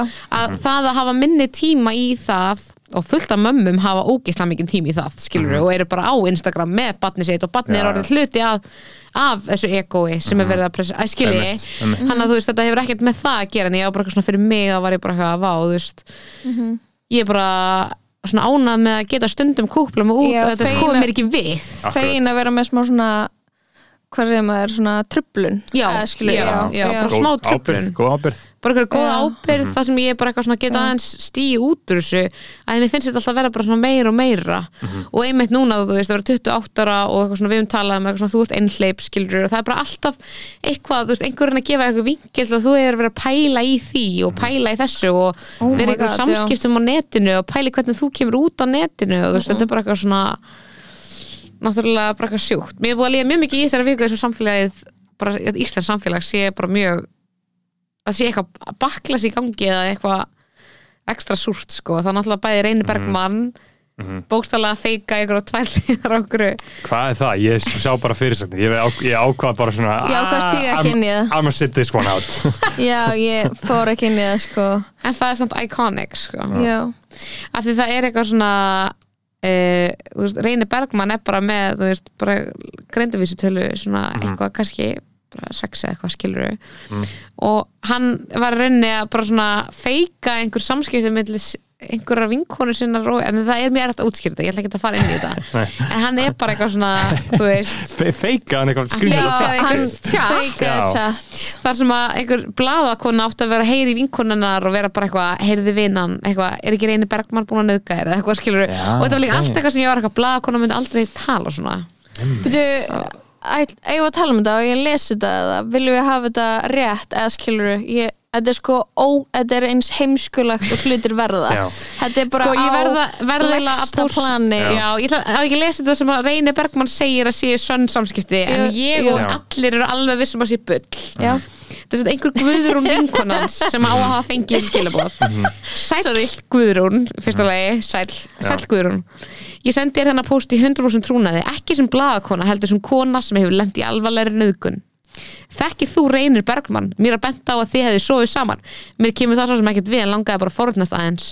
Vonandi er ég ekki að opna gömul sár Hún svarar Hæ hæ, opna gömul sár. Já, ég þekki hann ekkert þannig En jú, samt smá. Eða, eða þekkt hann betur í den? Og hvað gefur þér creative við? writing. Hverjum ert í reitlist? Já, já. Af því Þetta er alveg shit. Hérna, eða þekkt hann betur í den? Og hvað kemur þér við hverjum ég sef hjá? En ef þið liðið betur, já ég svaf hjá hann með vinkonum minni. Fyrir meira sem svona 15 árum, hvað ert að hugsa og hver sagði þið frá þessu? Ég var næstu búin að gleyma þessum getnað. Vá, getnað. Getnað. Og blaðakonan innan geðslega svarar, ok, mér langaði bara að spyrja þig var það með þín samþyggi fór hann yfir einhver mörk þegar þessi atbyrður ásáttu sér stað. Ég tek það fram að ég er að hugsa um þinn hag og þína líðan, bara samt kærleika. Þetta er skilbúðin Ok, og uh, svo er blaðakonan sem umræðir sem að nafngrinir ekki í þessu en er svona búin að koma fram hann er mjög að taka eitthvað úr skilabóðum sem ég sendi sem að voru ekkert svona. Og þá byrja þau eins en þau eru allt öðri sig þú veist þannig að hún er búin að byrsta screenshotin skilur réttu screenshotin. Réttu screenshotin sem eru svona Ok. einhverju punktar eins í Já, en ekki ins- alveg. in- Inspired, based on true events. Based on true events. Og mér finnst þetta sko svo magnað Já. að vera bara svona já og þú veist, það tengdi svona Þóri Sæm fyrir mér, svona hversu langt úr tilbúin til að ganga, skilur við ok, ég er, þú veist, I am itching að byrja að tala eins um ok, þið langar að, ég, er sko búin að vera að býða stressaður, eftir Þú ég, ég er svona svolítið bara þar svona, staðan bara einhverju gaurar að núti að gera bara eitthvað og allir eru bara að gera eitthvað skilur þessu þetta, ég skilir þetta ekki. Af hverju reynir Bergman að þessu skilur ég, ég, held að ég, skilur einhver útskýra þannig að verður einhvern veginn að kansla sér til þess að fá eitthvað svona öngun eða Já, ok. feik eitthvað svona. Self-cancellation. Eitthvað svona, eitthvað svona sanna hann hefði ekki gert þetta en einhver verður hann að cancela honum. Eitthvað Já, þannig, ok. ég skildi það þannig að það gæti verið ránt um, ég er ekki alveg viss. Ég held sko að það sé ekki heil hugsun sem að gengur í hausnum á honum upp. Já, nei, skilja mig, svona eins og krakki sem byrja bara að gera eitthvað bull og, Já, já. ætt, eða, þú veist, og veit Já, ekki lengur hvað hann er að gera. Já, já, ég held að sé eitthvað þannig, skilur við G- Gæti verið, Oh. en mér- fannst það mjög skemmtilegur þegar að uh, ég, ég fíla sko ekki endilega sko hann sem koncept skilur. Ég en, alveg, já. en ég fíla viðbröðun sem hann setur á stað eins og þú veist þegar að, na, hann var í einhverju vestló podcasti og sagði allir, allar MH stelpur og er eitthvað vegan, feminista lessu Já, eitthvað já. sagði eitthvað svona sko. og þá þurfti allir í nefndin að segja Einmitt. út af því, það er svo ógisla út, fyndið. út, af því að, út af því að hann var í podcastin þeirra og sagði þetta. Og þau báru ábyrða og þau sögðu allar sér Já, Það er en þetta er svo gott sko, eitt sem er svo gott er svona orðræðan og svona orðaforðin sem er í gangi hjá einhverjum hópi þjóðfélagsins sem að við þekkjum ekki. Eins og konan hans var að kommenta á þessa blaðakona þessi blaðakona er búin að koma og er eitthvað Mhm. ég uh, var ekki að senda þessi skilabóð ég hins vegar sendi þessi skilabóð sem Mhm. eru pín svipuð en í aðalatriðu mjólík skilur Uh, og var, hún var ekki til að tala eins og hún væri Mhm. bara fimm ára skilur eins og hún var svolítið að gera í þessum skilabóðum Já. og það er bara svo gott svona eitthvað og konan hans reynir sem komin einhvern veginn í kommentin skilur og hún er að segja hana ég hérna já, ég er búin að heyra sögurnar af þér út um allt. Er, að set, er ég að setja það í fréttinar? Nei, því samviskan mín er ekki svoleiðis. Og þú sendir ekki bara henni svafa. Ég er búin að sjá fleiri. Ég kem með sprengjuna og sannleikan í dag svafa. Nú svara ég fyrir mig sem kona hans, móðir barnan hans og annar fyrirtækja eigandin Ú, Þú veist, þetta er svo gott eitthvað Business svona, owner. þetta er svona bold strokes. Já. Þetta er einhvern veginn all in. Don't mess with my man. Já, og þetta er alveg bíó. Þú veist, þetta er alveg svona, þú veist, það talar enginn svona, Þetta skilurðu, eru- og ég já. elski það alveg smá. En já, Þóri Sæm, einmitt, hún einmitt ína, konan hans líka postaði, postaði líka svona í sambandi við þarna Þóri Sæm svona að umræðina var orðin stjórnlis og svona. Konum hans Þannig að hún- reynis Já. reynar Ok, we got a connection Ok, segway yfir í sæmar Segway. sko hvað langar mig að segja? Já, hvað hva langar að segja það? Sko, mér langar þarna, að byrja á því að, að segja sko fyrst áður en ég horfði á fucking viðtalið og ég sá að allir voru bara eitthvað hann ógeð, eitthvað að tjá sig dýrururu þá var ég bara eitthvað svona þá fór ég fyrst eitthvað svona byrju hann að ge- að þú veist, stoppu við ekki í Já. eina sekundu Já, ég fór bara- í þetta bara svona og, og bara er fólk alltaf reddi að Yep. þú veist ski, vi, þið veitir hvað ég er Já, að tala um bara svona já, hvaða mót þú fóst í svona, já, ég fatt það, já, Þú já, fórst Já. í bara the lips are at it again Já, og bara, og bara er svona að bara getum við hægt að tala um kynfyrirsofbeldi í eina mínútu bara Aha. this is starting Já, to be já. unbearable Einmitt. en svo, Svo horfði ég á Ah. fucking viðtalið oh my god og ég var bara ég var bara, þetta er umurlegt og, s- og, s- og þú veist og ég get þú veist, við getum farið í það Ja. sem var umurlegt hjá honum. En svo hérna á, á þriðja degi þá var ég bara hann er ógeð. Úf, bara, og bara og að, bara sjá í stóri hjá stelpum sem ég þekki ég var bara og, og í samhengi við þetta viðtal og til að hefði þetta viðtal ekki komið út þá hefði ég ekki þá hefði ég bara séð það og verið bara já ok, hann, en ég var bara þú ert nýbúin að segja eitthvað allt annað og bara grenja til að fá vorkun og ég var og bara einhvern veginn línundan hans og, ég, og það sem ég veit það sem ég er bara itching to say er að þetta viðtal í kveik snerist aldrei um og hún langaði í vinnu sem þar að hann þyrfti bara að fá ykkur að vinnu þetta er viðtal til að fara í til þess að vekja aftur aðtegla á sér og fá vinnu sem leikari aftur. Það er það sem hann vill. Hann vill aftur vera center of attention. Algjörlega. Og, og það sem var hlægilegt var þegar, að að kveikur málar upp þessa furðulegu og óraunsönnu óraunsæja mynd af honum hann hefði verið næsti Hilmi Snær. Hann hefði verið ykkur og ég var bara fyrirgefðu bold strokes. Ég var bara fyrirgefðu lífsnæðin þess sko. Já, ég var bara ég var, eða, þú veist, og ég var bara oh my god. nei, það, nei. Skilur, hann var ekki fara að vera leikari þjóðarinnar.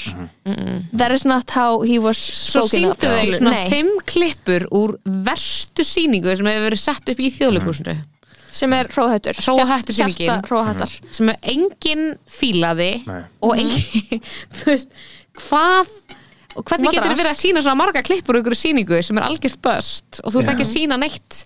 Eitthvað sem er good acting. Það var eitthvað svo fyndið, það var svo fyndið að alltaf að sína klippur á honum sem voru bad acting. Eitthvað svona hanna, hanna ofleika eitthvað, eitthvað hróa og, sko, það sem að mér uh, fannst bara ömynd allt komdu með það uh, því ég er uh, framúrstefnumæður og bjartsýnismæður uh, ég vil uh, ég vil þykja, mér, mér vil, ég vil bara hugsa hlýlega til samfélagsins sem ég bý þess vegna er ég ekki á það skilur ég vil bara, ég, ég vil bara ég vil hafa jákvæðni, skilur Ok, ok, í, ok, í einu öllu. Uh, alltaf, ég vil bara framþróun ég vil fá 5 miljónir flótamenn til Íslands ég vil fá lestakerfi, skilur, ég vil lifa, ég vil lifa í góðu landi, skilur uh, þessna, og þess vegna er ég ekki á Twitter veist, ég, ég er á Instagram að ég fastu þar uh, en þarna, þetta, þú veist, þetta dót með Þóri Sæm og Kveik þetta var ell fyrir alla, þetta var ell fyrir Þóri Sæm, þetta var ell fyrir Rúf þetta var ell fyrir Kveik, þetta var ell fyrir okkur podcastarana, þetta var ell fyrir þólendur, þetta var ell bara það töpuðu allir á þessu.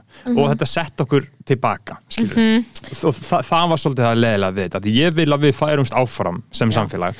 Uh, ég er ekki með lausninar á hvernig þetta hefði mátt verið bet gert betur ég veit það ekki, að þetta er náttúrulega auðvitað umræða sem að þarf En einhvern veginn eiga sér stað. en ég ætla ekki að taka þátt í henni. I do not engage in discourse En sko- en þú hefur einmitt getað tekið viðtal við mér þess að við eitthvað sem að hefur fengið setið dóm og er ekki sen að einhvern veginn orðspórsins vegna ekki fá vinnu sem er þess að leikari eða, þú veist, það er bara til fólk sem að hefur fengið dóma og er ekki að fá vinnu sem leikarar veist, það hefði verið eitthvað aðeins meira Já. En hægt að eiga það samræð því að þú veist, basically, ég en- kom með einhvern mann sem er fyrstulega að ljúa mjög bleitantli, hann er bara að ljúa Um sitt, sinn hlut. Já, um sinn hlut. Og það er í fyrsta lagi mjög ótrúverð maður, maður sá það líka bara alveg á viðtalinu. Maður það var á bara tvö mál þá sá ég strax bara you're right. Já, af því að síðan er bara, já, ég fór heim með ungum konum og ég áreitti ína samstagskonum mínu borgarleikursunni og ég er alveg bara, ha, hvað Og- samúð Það er ég hafa með þér? og, og svo finnst og ég er svo meðverku með honum og ég fyrir strax að hugsa svona akkur það ljúra skilur Já, en af ég, hverju ég er hugsa hann að svona ljúga? fyrir hann hey come on, segðu allt skilur Já, já, segðu allt, Já. segðu ég er uh. kynlýsfíkil, ég er annarlega kendir já. Ok, Akkur þess, máttu ekki Bara, I'm a- fama bara, I'm a sick Akkur- freak, Við þurfum semi, semi, þú veist, það þarf að gera í samfélaginu að fólk geti komið fram og sagt bara ég er alveg upp í samfélagi sem ítir veist, undir Mhm. Já. að ég hef annarlega kendir Já. Mhm. gangast börnum bókstaflega og ég vil hjálp sko, sagði ekkert slíkt, skilur sko Ok, ég þarf að segja tvo hluti fyrst Mhm. Ég vil líka að við tökum fokkin umræðina um þarna, líf eftir ofbeldi Mhm. fyrir gerendur Mhm. og bara það hvað, best aftur út.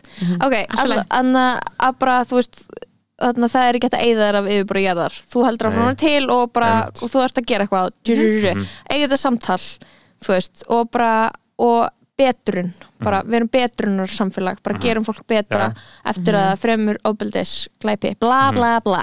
Auðvitað, ég er bara alveg þar.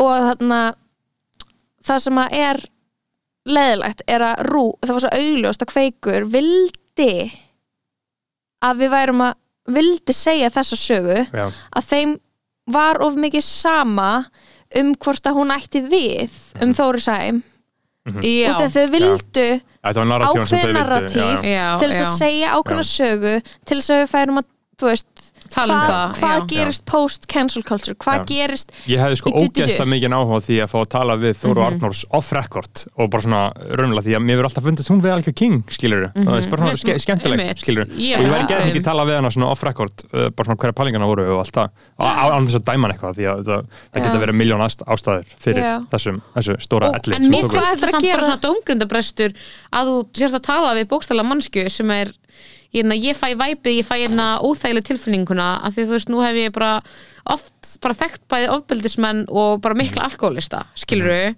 og þetta er sama orka sem þú færið frá honum sem er svona þú færið svona red flags þegar þú tala. Bara nei, þetta er ekki satt. En þegar, þú veist, þegar þú tala við fólk þá tekur því alltaf eins og það sem það er að segja sér satt.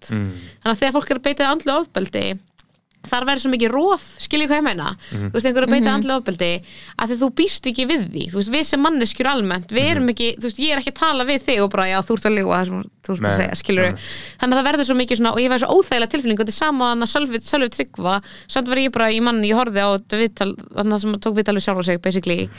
Og, og ég, mér leið svona óþægilega allan tíman ég sko. já, og ég og svo fattaði ég, svo náttúrulega því að horfði Þóru Sæm þá var ég náttúrulega bara, ég hef heyrt nógu margar sögur til þess að vita að hann var að ljúga. En þetta er svona saman, þetta er svona narsissista svona ó, bara ofbeldismanna svona veist, hvernig hann lígur en hann er rosalega bara svona, hann ætlar ekki Já, að bakka En ég meina, hvað er það kannski það sem að gerist í kveik að na, En af ekki kemur að ekki hann er auðvitað? að Það er svo skrítið, þú þarft að gera svo lítið research. Þú getur skoða þú, þú, Enginn fyrir að segja mér að þú þekkir ekki eitthvað sem er í MeToo sviðslistagrúppunni á Facebook og getur Já, bara einmitt. tjekka hvort það sé ekki fullt af sögum. um Sorry, þetta er liðlega Hvað- Þú fannst borin gilfi sig aðgangin á Twitter en þú fannst það ekki? Oh my god, ok, þegar, þegar boring gilvi sig screenshotin komu þá langaði mig að deyja. Ég var bara, þetta er re, já, en sko ein lína e, já, það ok, tvær línur sem standa upp úr hjá mér í þessu viðtali sem ég svona, tss, svo sita eftir hérna e, í haustum á mér, er hann the terrible acting. Þegar hann var að segja að hann hefði átt þetta samtal við yngri són sinn og sakleysið hefði hurf, horfið úr augunum á honum. Ég er eitthvað svona, hvað meinaru þetta er bara eitthvað klísja þú stalst þessu bara úr eitthvað bók. Já, hvað í fokkanum ertu að tala um, Líka- það er ekki eitthvað sem þú sérð. Já. Og svo þegar hann segir hann að uh, hann er að tala um að, að þetta sé eitthvað svona eitthvað locker room talk sem að hafi eitthvað svona menn, menningin hafi sko gert hann að þessum perra sem hann er eitthvað svona kultúrin, þú veist, alast upp í svona samfélagi dyrururu, og ég er eitthvað svona vá, fyndið að hann gera eitthvað. Mhm. mæti eitthvað um afleðingum fara hérna í viðtal og segja herru, turns out að ég er bara algjörlega valdalaus og ábyrðalaus í mínu eigin lífi og ég, og, og bara locker room talk hefur mótað hugmyndu mín að gagast konum og ég bara, bro, þegar þetta var að gerast þá varstu 36 ára. Og leikari Mhm. í þjóðleikúsinu þannig að það má alveg hold you to a standard. Mhm. En- og, og hver, myndi maður eitthvað tímann gera þetta? Myndi ég eitthvað tímann segja, herri já ég var shitty og það var öllu samfélagin að kenna?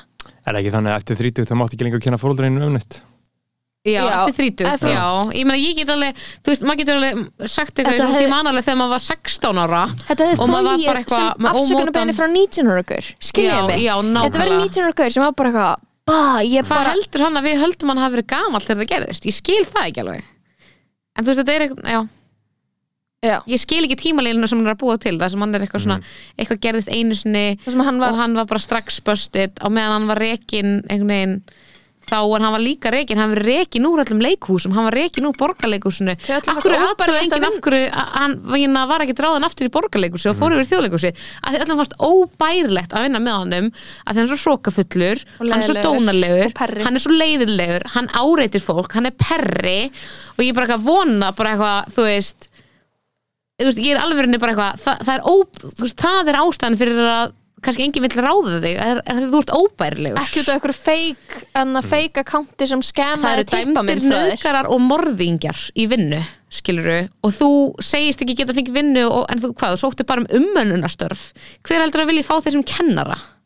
Enginn skiluru, það vil enginn fá þig í umsjá til að hafa umsjón yfir einhverjum skiluru, bara þetta er ekki þú veist, og það er líka bara eitthvað punktur sem komið mitt frá einna frænguðinni í vikulókunum í dag.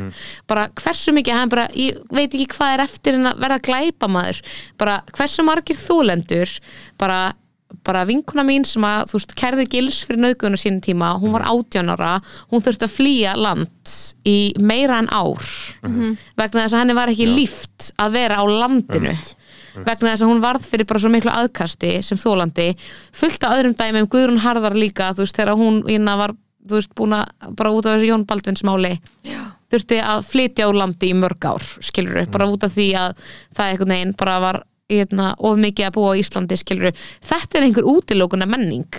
Þóri Sæma hótaði að verða einhver glæpamaður bara, það var inn, innan tómasta hótun sem ég hef það var svo innan tómt. Og þannig að ég er einhvern veginn svo mikið fórnalambið í þessu öllu saman. Bara, það, en mér fann svo þú veist, ég er ennþá í sjokki að hann hafi þórað að ljúga svona mikið af því ég myndi aldrei þóra að ljúga svona mikið. Mér, mér finnst það einmitt eh, svona, eh, svo skrítið við þetta að hann hafi logið svona mikið og að Rúf hafi líka ekki Já, gert allt þetta. ég er bara einhvern get ekki alveg trúa að ég verð bara eitthvað svo meðvirkur bara, svona, það lítur að vera eitthvað misklingur það hlýtur að vera, Já. í alvöru nú en er það hafi bara, verið svona ég bara þú tala við hvert sem er innan þessara leikhúsa sem eru unni með honum bara hversu óbærilegt það var að vinna með honum og bara fullt af fólki til frásagnar um það. Ok, ég bara ég fólk vissi það ekki, sem er bara þú veist, bara mjög, og þetta er alveg menning sem að þrýfst náttúrulega í leikúsinum að þú sem leikari getur alveg oft verið bara frekar mikil tussa skilur Ja. svona í daglegu lífi. Uh, en það er svona, þú veist, vonandi einhvern veginn að minka skilur en ég hefna, það er bara, þú veist, daginn eftir eitthvað, það var bara status, já, þú veist, einmitt stelpu sem að var að vinna í sminkinu í borgleikusinu og bara, já, ég man nú bara þegar þú öskraðir á mig út af því að það var ekki þetta og þetta tilbúið þegar þetta og þetta og þú mm. hraunir yfir mig og, þú, og ég, ég, ég var að segja þér að hætta að áreita einhverju stelpur í einhverju partíi og þú, þú veist, hann te- tekur hann að hálstaki og er með einhverju glerflösku og þú veist, hann, hann var bara, þú veist, hann var bara og þú veist, hann nefnir að hann hafi verið í neyslu en hann var bara geðveikur, skiluru bara, þú veist, hann var bara í einhverju þú veist, algjöru það næri ekkit yfir þetta að segja eitthvað, ég var rekin að því ég sendi einhverja mynd, af því það er bara ekki að gefa alla söguna. Já, en, en hver var líka þessi pæling með að þú veist, já, hann þóri að ljúga en Mhm. hvernig vitum við að þetta sé ekki bara það sem hann trúir? Sko, skilur mig? það, það, það er svolítið sem að ég hef verið mikið að hugsa um uh, að margir uh, menn sem hafa uh, brotið mikið af sér ítrekkað, trekk í trekk að þeir raunverulega vita ekki og sjá það ekki. Og þá, þá er ekki að segja þetta til þess að afsaka og ekki Nei. miskilja þannig ég held vera, Þú veist, sko. ég held að þetta sé algengara en við höldum já, að það séu bara svona sífælt ítrekku brot og markaleysi út af einhverju sem gerist í æsku eða einhverju sem gerist einhver tíman að þú skilur ekki mannlið samskipt, þú skilur ekki mörg og þar alveg finnst þér eitthvað fullkomlega eðlilegt sem að, sem að flestum í samfélaginu finnst mjög óeðlilegt. Það er líka alltaf verið að segja við, þú veist, einhverju marki þú veist, auðvitað til bara síðbund fólk og til narsistar og svona, en það er líka alltaf verið að segja þér og gefa þér þau skilaboð að þú Uh, þú veist, ef þú bætir það kannski upp einhverstur annar staðar þá megir að hafa þér eins og þetta í hug skilur við, þú veist að þú megir til dæmis ef þú ert leikari í einhver leikhúsi þú megir vera dónarlegur og þú megir þú veist, einhvern veginn ef einhver gefið þér aðtigli að þú þurfur ekki að hugsa um bara já, heyrðu, ég er 20 árum eldri eða eitthvað. Þú veist. En þú veist, það sem ég held skilur við með þessu pælingu að þeir Mhm. trúi sig og eitthvað. Mhm. er þetta ekki bara Le En- le leikþáttur veist, er þetta ekki bara smá svona sakleysi í þér og þér að halda að enginn geti verið svona vondur og vita af því? Þú veist, ok, það er kannski eitthvað level af, af því að þú veist, þú kannski upplifir ekki samkend e eitthvað, skilur getur mögulega verið það. Þannig að þú veist, það, það er ekki fokkar er ekki upp að vita og hafi sært eitthvað, skilur heldur eitthvað svona þú veist já anna, eitthvað að halda í alvörun og hafir ekki gert neitt rámt er smá svona hmm. Mhm. um, Já, hvað þetta fei- s- já, svona- hvað gó- feik raunverulega býr, býr mannskan þá í? Já, en, veist, en ég skil það ekki. Eða, veist, ég skil ekki hvaðan þú ert að koma ef þú ert þú veist, Sölvi Tryggvason eða þú ert, skilur Þóri Sæm eða þú ert þarna villi villi lagfræðingur eða sveitnandri eða eitthvað. Skil ég, þú veist, ég skil ekki alveg hvaða siðferðis lögmál þú ert að styðjast við. Ert ekki að styðjast við siðferðislögmál? Þú veist, ert ekki að upplifa það sem að maður upplifir sjálfur svona, eitthvað félagslegt svona Ég held að það fari rosa mikið eftir uh, um, umkörninu og hópnum sem að þú ert í sko. uh, eins og ég var að hlusta þáttinn hjá ykkur uh, í morgun og þau voru að tala um góða típu sko, voru að tala um gaurina á Lebowski.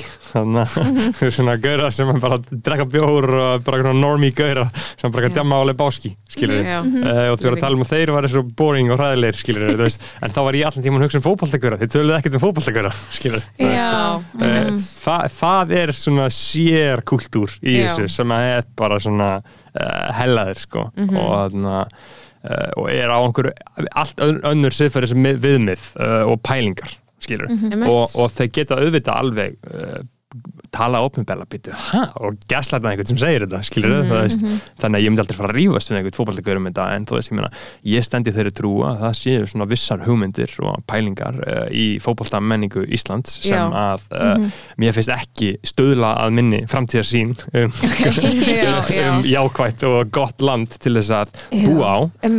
uh, ég meina, hvað finnst ykkur um það?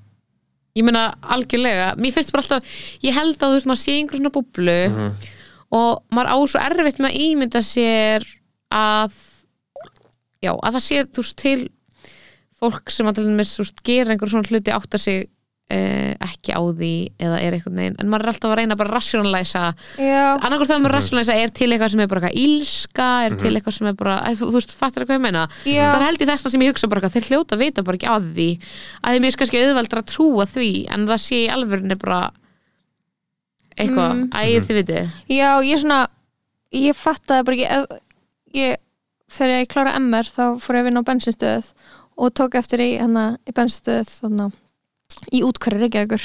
Mm. og ég tók eftir að ég var oft, Grái nei, bregðaltinu oh, okay. Mér langaði ekki að búa til breiðaltsfordóma Já. Ég tók eftir að ég var ofta að afgreða fólk á bíl sem var augljóslega undir áhrifum áfengis eða fíknefna Mhm. og ég trúði þá, ég var bara tvítug að þarna að við höfum öll verið það, það hefur verið imprantan og harkalega inn í okkur að bara já, blanda ekki akstri við, skilur, neyslu. Já, já. En þarna náttúrulega auðvitað fullt af fólki sem er í neyslu sem þarf að komast á milli staða og, þarna, og bara keirir og það er bara og það er það sem ég sá á þessari bensinstöð ég var að afgreða þetta fólk um bensín og ég var bara torn, ég var eitthvað, nei. Og oft leig, og einhverju leigubílstjórar líka bara fólk atvinnu bílstjórar Já. hellaðir. Og þarna og, og ég var eitthvað svona ræðið þetta einhvernum um daginn, hún eitthvað, já, já, já, já að það er bara stór, það er eitthvað partur af samfélaginu okkar sem að uh, lætur sína hagsmuni sem er að komast á milli staða. Mhm.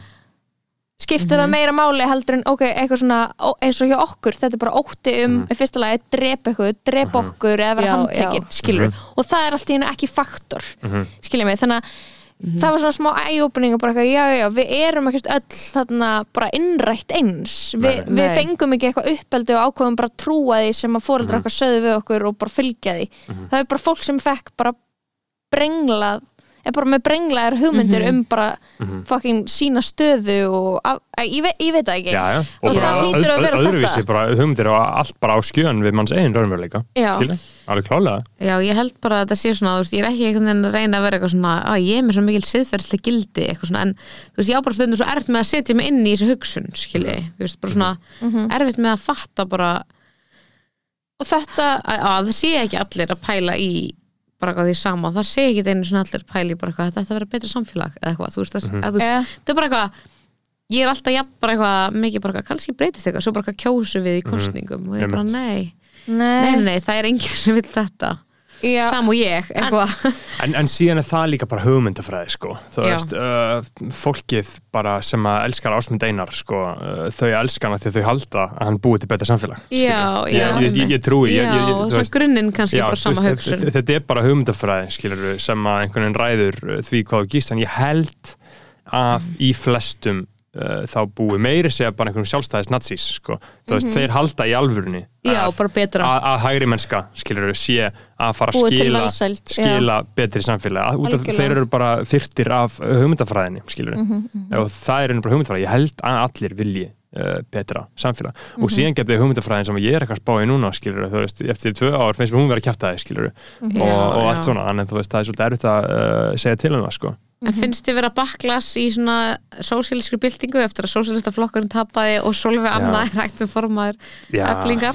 sko ég frá kostningum uh, þá hef ég ekki hugsað um stjórnmál eða, eða pólitík eða neitt Pétur. bara eftir að við tókum þetta stóra ell í þessum kostningum skilur Mhm. og, þú veist, og þetta var bara svo leiðilegt og eitthvað Mhm. svo sorglegt og svo leiðilegt að smári komst ekki inn á þing skilur þetta var bara uh, rosalega leiðinlegt að algoritmin og pældi því ég ákveð bara svona, já, ok, nei, nei, ég bara er komið gott. Nú ætla ég bara að einbytta mér á öðru hlutum, hugsa um aðra hluti Já. og þá einhvern hættir algoritmin bara alveg, ég fæ ekkert á Facebook frá sósæstarflokknum Facebook síðan Nei, lengur eða einmitt. enga status frá Gunnar Smára eða þú veist, eða neina fréttir eða neitt, ég er bara einhvern veginn Ég er enda búin að laus hann eins og ég hef hætað mér marga fjölskyldumælum mína. Já, heimitt, hann er frændin, mm frændi Hann og pappi minn, þeir eru bara mjútaðir þannig ég vil Já. Bara neyta content frá þeim á svona mínum eigin fórsendum skilur akkurat taka, taka valdi í þína hendur. Ég vil taka valdi í mínur hendur sko.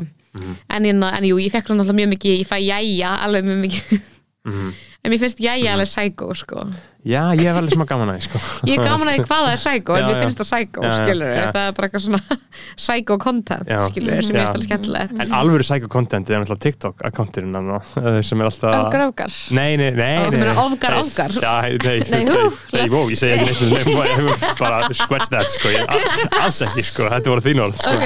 Ég var að tala um ég, var að tala um þarna, uh, Twitter-akkántin sem er alltaf að expósa íslensk celebrity. Oh my god eitthvað sem heitir Þú eitthvað ert ekki að tala um Vincent? Jú, Vincent, þú ert að tala um hann kansilar þeim sem eru aktivistar Já. Jú, Já. jú, þetta er einn Já. sjúkasti Já. TikTok-account Já. sem finnst Já, það er bara, það er bara, Guð get, minn bara góður. hvað eitthvað, eitthvað, eitthvað stendur eitthvað starf í myndatöku við hliðina auða blu Bir- Birni Braga. eða þú veist, Byrni bara eitthvað skilur, þetta er bara svona alveg þetta er mestu reach, Já. þetta er account sem gerir ráð fyrir því að við búum ekki í samfélagi. Já, já, þetta er bara Mhm. account sem gerir ráð fyrir því að við getum öll bara verið eitthvað staðar rogue. Ég bara, er satt líka alveg living fyrir þetta psycho content stundum þegar hann er eitthvað þú veist, eitthvað Ég alveg- eitthvað expose a Mario Lily eitthvað, maður er eitthvað, ok mér finnst þetta bara að vera vera djúpur mental illness sem er í gangi, mér finnst þetta bara að vera mikil, mér finnst þetta að það vera unhinged geðveiki. Ég þarf að finna hvort þið komið eitthvað nýtt inn já, lofa, þú var að passa að hann kom ekki hann kom ekki Já, átti þér, sorry. sko. Við erum Uh, ekki, ég er ekki nóg fræg. Má, Veistu hvað er ógeist að fyndið er einhver Vá, við erum ekki að gera neitt fyrir neina baráttu hver segir það? Hvað, þi- þið tvær? Ég segi það Nei, Já. ég er að lesa að geða eitthvað bók annan Trick Mirror um mm. fucking aktivist á netinu maður useless Já. pieces of shit Ah, Já, ok, og, Auðvitað. og hvað, hvað er verið að þú segja bara gerir þú tekur þátt í einhverja ruggli á netinu og líður eins og það hafi verið að komplisa einhverju og það eina Já. sem þú gerði var að þú veist, doxa eitthvað Já, þú veist, og bara, já, já og þetta getur haft afleðingar út frá sér á okkur svona míniskala, einhverjum er sagt upp da da da da da da, da whatever mhm. En Já, Herri, veist, núna var Vincenzi að kjafti. deila rósi dagsins á gullu leikonu sem að Neita að taka þátt í neitaði að taka leynilögunni. þátt í leynilögunni oh my god, áður en við klárum þá verður að segja okkur, þú, við erum ekki búin að sjá leynilöguna þú Mhm. Já. varst að sjást hana what Ég- is it? Ég fór og sjá, sá uh, leinilökuna, ég fór uh, hvað er síðustu helgi? Alltaf ekki, uh, jú, ég síðustu vika og þarna við fórum held ég vel til að við erum 11 gaurar saman. Uh, og fórum saman uh, og sáum hana, gerðum okkur sérferð mhm, upp í uh, og það var rosaleg, rosaleg röð uh, og bara gjörsamlega bara brjálað að gera. Mhm, uh, að því að ég meina að þetta er bara vinsalasta bíómynd Ísland Mm, mm. fyrir og síðar. Mhm. og þannig að maður þarf bara einhvern veginn að uh, virða hana fyrir sér bara sem fórst ykkur rannsóknar tilgangi Já, þú veist og, og þú veist, ég, ég bara einhvern veginn trúi bara á það að uh, ég, ég, fíla auðvitað blöndal, skilur fíla steinda, skilur Mhm. það eru alltaf svona verið, uh, ég er alltaf svona flottir, Já. skilur sérstaklega, Fín- sérstaklega Steindi. Ég get alveg verið samla því sko en svo er sama fyndin. tíma er bara svona gatekeepingi sem þeir gera sko Já, en ok, hvernig var myndin? Já, það uh, svona mynd, myndin, var, mynd, myndin var bara svona uh, ég, er, að- ég, ég, er, ég er ekki með smekk fyrir svona myndum skilur. Ok. ég fíl ekki lélega myndir veist, þetta er lélega mynd og ef þú fílar lélega myndir þá getur þú fíla hana það er alveg sumir sem maður þekki sem að fara á bíamyndir Mm. Sem allir bara vita að þetta, þessi mynd er gerð fyrir skemmtana gildi Mhm. frekar en að fá einhvern til að hugsa um eitthvað eða pæla í einhverju eða finna fyrir einhverju Uh, Mhm. ég, held að, ég held að ég sé ekkert að vera einhver elitisti með því að segja það að svolítið Nei, nei. skiptast í hópa eftir þessu sko.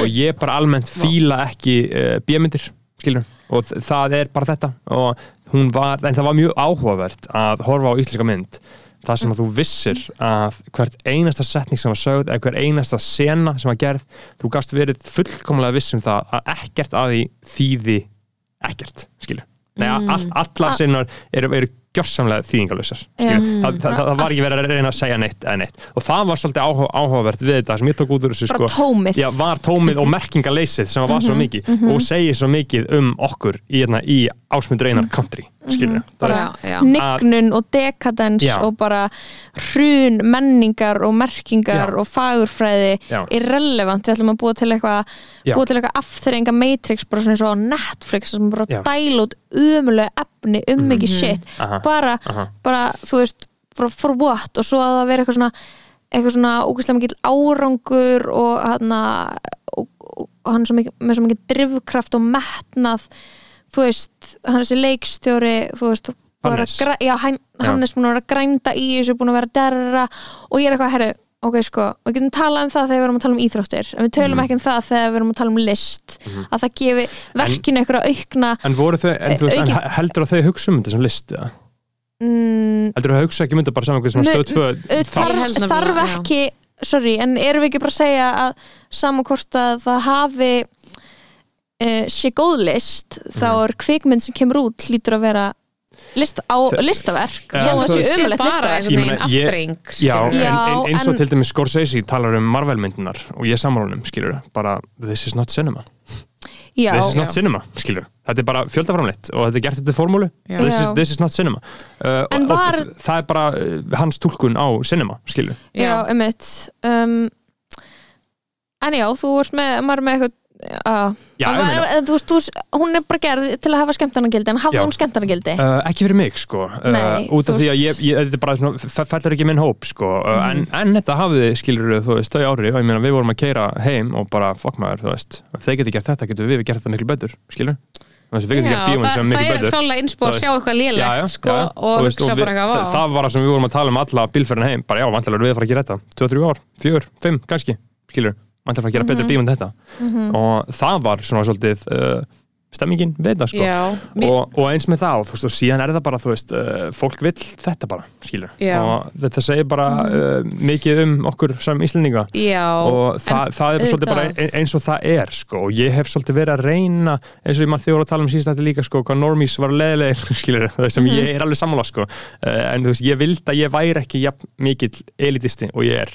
Og það er það sem ég er svolítið búin að vera að komast að meira og meira á sjálf mig, sko, með svona einhvern fyrir, fyrirfram mótaðar hugmyndur um fólk og, og hluti og þú veist, er en hún eitthvað úr forduma Já, er hérna úr vesturbænum eitthvað heima á mér með sérsmiðu húsgögn skilur eitthvað, þú veist, að vakna og þú veist, bara að lifa lífinu skilur sem einhver algjör eildisti, ég er að reyna að hætta uh, því, eða svona svolítið uh, verða aðeins alþýðlegri. Það var það sem Salka var að segja. Hún var að segja hún væri til í að vera með svona gaur og ég er eitthvað, kidding yourself. Og ég held að þetta, þú veist, eins mikið og við getum viljað verða Mhm. alþýðleg og vilja bonda við eitthvað sem að elska leynilöguna með gils Mhm. já, bara, þá myndir munu- að hata það sko. e- já, þú veist, það er mjög satt. E- erum við í sammála í grunnatriðum um eitthvað fyrir utan það Já, að vera manneskjur sem að finna til og elska og, eða þú veist, erum við eigum við eitthvað annað sammeilegt Já, og bara, sko- það má líka alveg hafa smekk á fólki, eða þú Já, veist. já, algjörlega, og ég, ég get á þess að alveg maður hati það. Já, ég get alveg bonda við gauðra yfir einhver sem dóti, ég var alltaf í Vestló skilur og þú veist, og ég get alveg tekið eitthvað svona mismunandi, tala um mismunandi hluti við mismunandi fólk, sko, en þú veist, ég er samt líka hann eins og Egil Ástrásson sagði mig, sko, þú far aldrei samþykki í klefanum, skilur og that's life, skilur Hvað þýðir það? Hvað þýðir þessi lína bókstala? uh, þú veist uh, fótbollagaurar munu aldrei uh, já, já, almennilega ég, akkur skildi ég þetta strax? I am culturally yeah, tuned in Já. Akkur- skilur uh, svona pu- svona pjúra en það er mjög gott mengi sem að fíla mig og fíla fótbolta skilur eins og Hjörur Haflega uh, kom í þáttin til okkar skilur og þá fengum við að sjá mjög áhugavert svona mengi af gaurum Já, já, Uh, já. og, og sem, sem bara, veit, bara lang mest hlustaði þátturinn okkar frá einni viku ever skilur þú veist hann er Oh bara er að því hann er svo ógeðslega vinsæll sko. Og, og, og hlustanir hafa bara hrannast inn á gamla hætti fyrir bara um uppgötaðar að miljón fucking gaurum skilur Mhm. Já, út af því hann kom en það er svolítið áhvert mingi af fótballtagaurum sem fíla mig uh, og eru fótballtagaurar sko. Mhm. en svona pjúra pjúra, pjúra, sko, pure breed fótballtagörðanir, þeir Mhm. munu aldrei fíla mig og það er bara basic, sko, en ég get samt alveg tengt við á, alltaf á einhverju lefri, ég trú því alveg að mannesku geta Já, tala, að fundi saminlega grundvöld, sko. En, Algjörlega. en pældi, þú veist, þú átt bara upp á pallborðið hjá þessum fótballtagaurum út í já, skilur, og eins mikið og að þú veist, þú mun aldrei fá samþyggi í klefanum darara, Mhm. skilur breytir það samþyggi að þeir þarna geta litið á þessu mannesku og búið virðingu fyrir þér og and Salka will never get there, skilur þannig að ég verð bara að Mhm. ég ætlaði eitthvað að koma svo að áðan ég er búin að býða eftir að lesa fucking búin og að það átti við þarna umræðan okkar áðan um Mhm. ást og karlmenn og konur og eitthvað en Já. mér finnst það eiga mjög vel Já, við hérna núna þetta. segvi inn í. Mhm. þetta þannig að ég var á Instagram í, í fyrir dag og þá er hérna sko, bara til þess að- Ég vildi bara svo mikið segja yfir í þetta skilur en ég var, var bara eitthvað svona með þetta leynilögu dæmi skilur bara til þess að klára það. Klára það, já. Ég ætla bara að segja skilur að mér finnst áhugavert við hvað leynilögan er.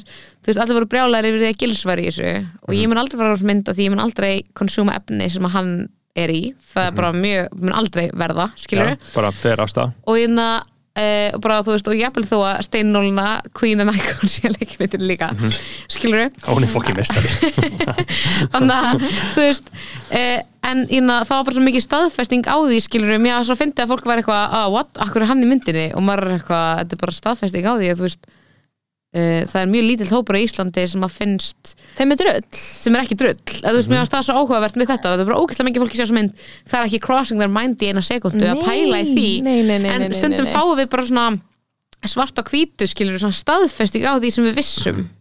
Þú veist eins og þetta, þú veist, mér finnst þetta bara að vera þannig dæmi skilur upp, bara eitthvað svona, Já.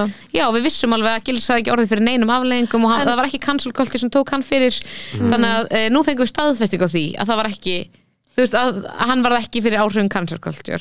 En- bara eins og þegar Björn Breim er í þess þátt núna skilur eitthvað, en hann, hans dæmi náttúrulega er miklu minna, miklu miklu minna skilur við erum að tala um tvær stelpur að kæra þið fyrir grófa nöðgun skilur versus hérna Groping, þú að, grópa einhverju gæla á vídeo skilur það er bara ekki samhluturinn skilur En- en, já, en það- sorry, ég vildi bara það- segja það út af því að mér varst ekki nóg neikvæða gil skilur sem er bara svona bara maðurinn sem en ég allir vita samt. Já, hann er náttúrulega umlegur en, en, á landinu. En Public það er, enemy number one.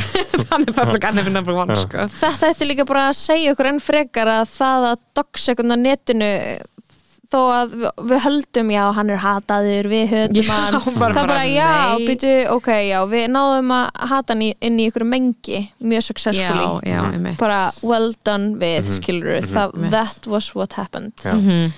en en já, allavega, já, já. já. það, hata gils, segway Mhm. já, yfir í þetta screenshot sem þú deildir á Twitter í dag. Já. Að ég bara er eitthvað meira að segja um gils ég er svona einhvern veginn nei, við hefum talað um hann áður bara Já. public enemy number one allt sem við það segja Mhm. Mhm. Æ, hann er svo ógíslegur Sko, bara mín, afstækja gils hefur alltaf verið bara svolítið, ég hef aldrei hort á neitt sem hann gerir eða neitt svona út af Já. því að þú veist, ég er bara svona ó, ósámála um, hann skildum sko Mhm. uh, hann sétt fer á móti því sem að ég hann, eins og hann vil hafa samfélagi er ekki eins og ég vil hafa samfélagi samræmist ekki framtíða sinni. Er ekki hann tími til að vera bara aftur bara eitthvað að kalla hann bara eitthvað fucking rapist bastard það er verið að því. Út af því að þú er veist ekki þetta að fá einhverju kæra á sig? Ég segja það? að því það verið geðvægt að fá kæra Oh á sig my God. núna fyrir að segja að Gilsi er rapist bastard. Út af því að hann vill ekki að við munum eftir því þessu, þú veist, öllu þessu, skilur hvað ég meina? Mm. þannig að það myndi koma svo mikið svona einhvern veginn upp um hann held ég sem rapist bastard ef hann myndi einhvern veginn byrja að kæra alltaf aftur af því það var alveg mjög margir kærður á sín tíma. Mhm. hann vann alveg mörg málin. Já. en það er svona alveg getur ves náttúrulega. Mhm. þannig að pælum bara í þessu. Þeir, hérna, þeir eru saman í ykkur vináttu þessir karlmenn að gera þessa mynd.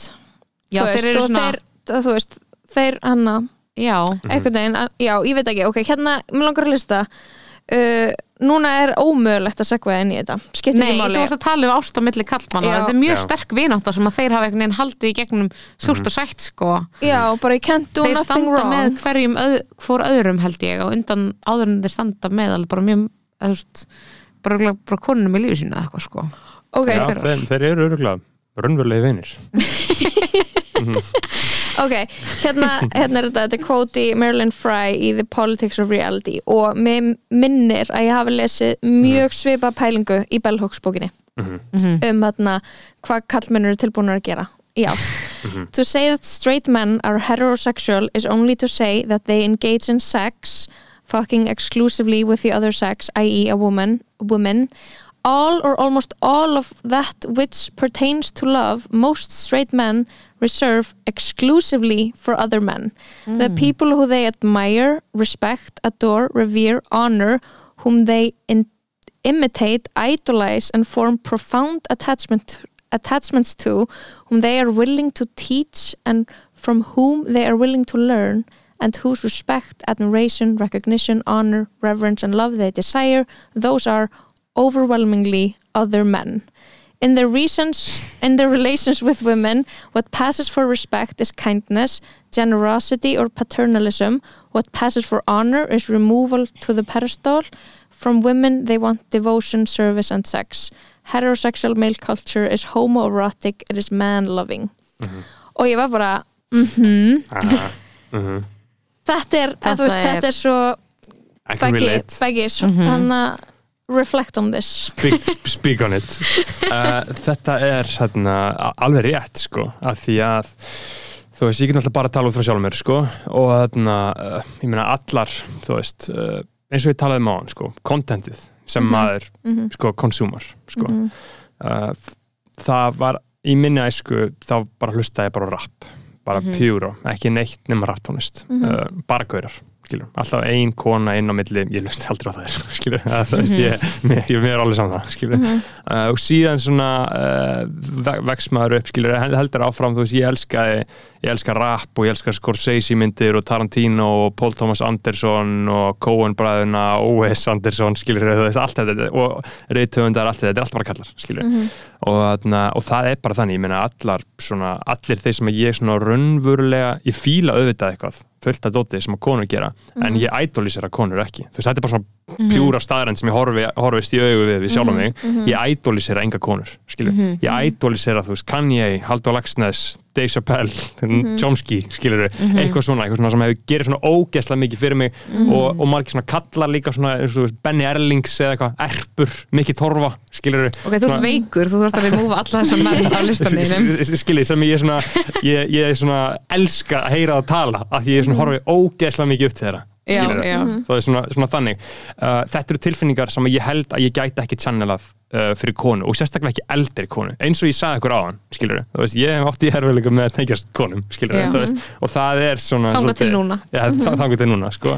Uh, og það er svolítið svona mitt uh, að ég er náttúrulega elstuð fyrir um þrý bræður, skilur og það, ég var uh, ég hef alltaf eiginlega já, auðvitað alveg vinkonur, skilur uh, en ég er samt chill alltaf, ég hef alltaf verið í stórum gaura vinahópum, skilur Ég held samt að það sé ekki einu svona þetta bræðradæmi sé ekki einu svona, ég held að sé svo margir strákar sem geta látt bara fimm systur eða eitthvað pottet sko. Og þetta bara eftir sko, hvað þú einhvern veginn idoliserar og hvernig þú vilt vera skilur og ég er ekki að segja og ég hef markvist svona hugsað um þetta og spáð í þessu skilur og ég er ekki að segja að ég er eitthvað mér finnst Greta Gerwig episk skilur þú veist ég elska alla myndinar hennar. En það sem ég skil ekki er að hvað er það sem að vantar upp á hjá konum sem Ko- þú sérði kallmönnum Já. út af því að þú veist er það, veist, hvað er það? það er, þetta er góð spurning, ég er bara svona í rauninni, það er bara einhver svona Og tenging. Það- að vilja vera eins og einhver. Já, skiljið Já. hvað ég meina? A- Já, en að- það er ekki En- en- en- sama og elska. Nei, þú veist það er náttúrulega líka málið uh, að ég er náttúrulega líka smá svona tilfinningarlega senþróska mm. þið, þið, þið skiljið það, þú veist, og ég hef aldrei verið í, þú veist, metið mitt í sambandi þrý, fjóra mánuðir, skiljið þú veist, ég er bara ekki komin þangað, eins og þú veist að tala um áðan salka eignast bann, skiljið þú veist, ég á alla hennar pakka svolítið eftir. Og núna er ég bara 26 ára svolítið tilbúin að fara inn í það, þú veist. Ég er mjög spenntu fyrir því. Svona eignast eignast, tók þetta því Eignast eignast eiginkonu konu. já, uh, og eignast börn skilur og svolítið koma inn í það og, og þroskar svolítið tilfinningarlega skilur þú veist, ég á bara þann pakka svolítið af því eftir. það eru sko hlutir í lífinu ok, máli er, að hlutir í lífinu sem neyða til að þrókst tilfengilega Já. Mhm. og þú veist, vegna er fattar mm -hmm. fullt af óþrósku fólki sem á börn en samt það eignast barn er Já. alltaf að fara að þroska eitthvað tilfinningilega Já. frá stannu sem þú varst á. Út af því þú verður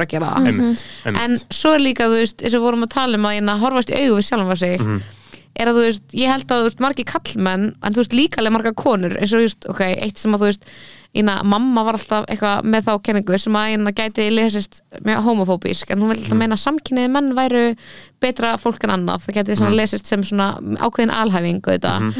en hún var bara að segja að, að það væri bara hópur kallmanna Mhm. Sem að hefði að horfast í augu við sjálfa sig einhverjum tímúti Já, já, í akkurat. Mhm. samhengi við samfélagið og bara átta sig á þú veist, það hefði þurft að eiga Já. eitthvað samtal Einmitt. um hverju þeir væru akkurat og hérna, hvað það þýtti skilur fyrir hérna, umhverju sitt ég, ég náttúrulega gæti verið hérna hjá ykkur uh, einhvern yfirlýstur karlfeministi og verið að segja við ykkur bara já, Nicki Minaj, ég elska Já, já, Cardi. B, mér finnst hún búin Ég sko? Gæti verið að ljúa en að ykkur og segja að ég líti jafn mikið upp til hvenna og kalla en þú veist, það er bara ekki uh, staðan hjá mér En- en myndi það að sem- en það sem- tala um það sko.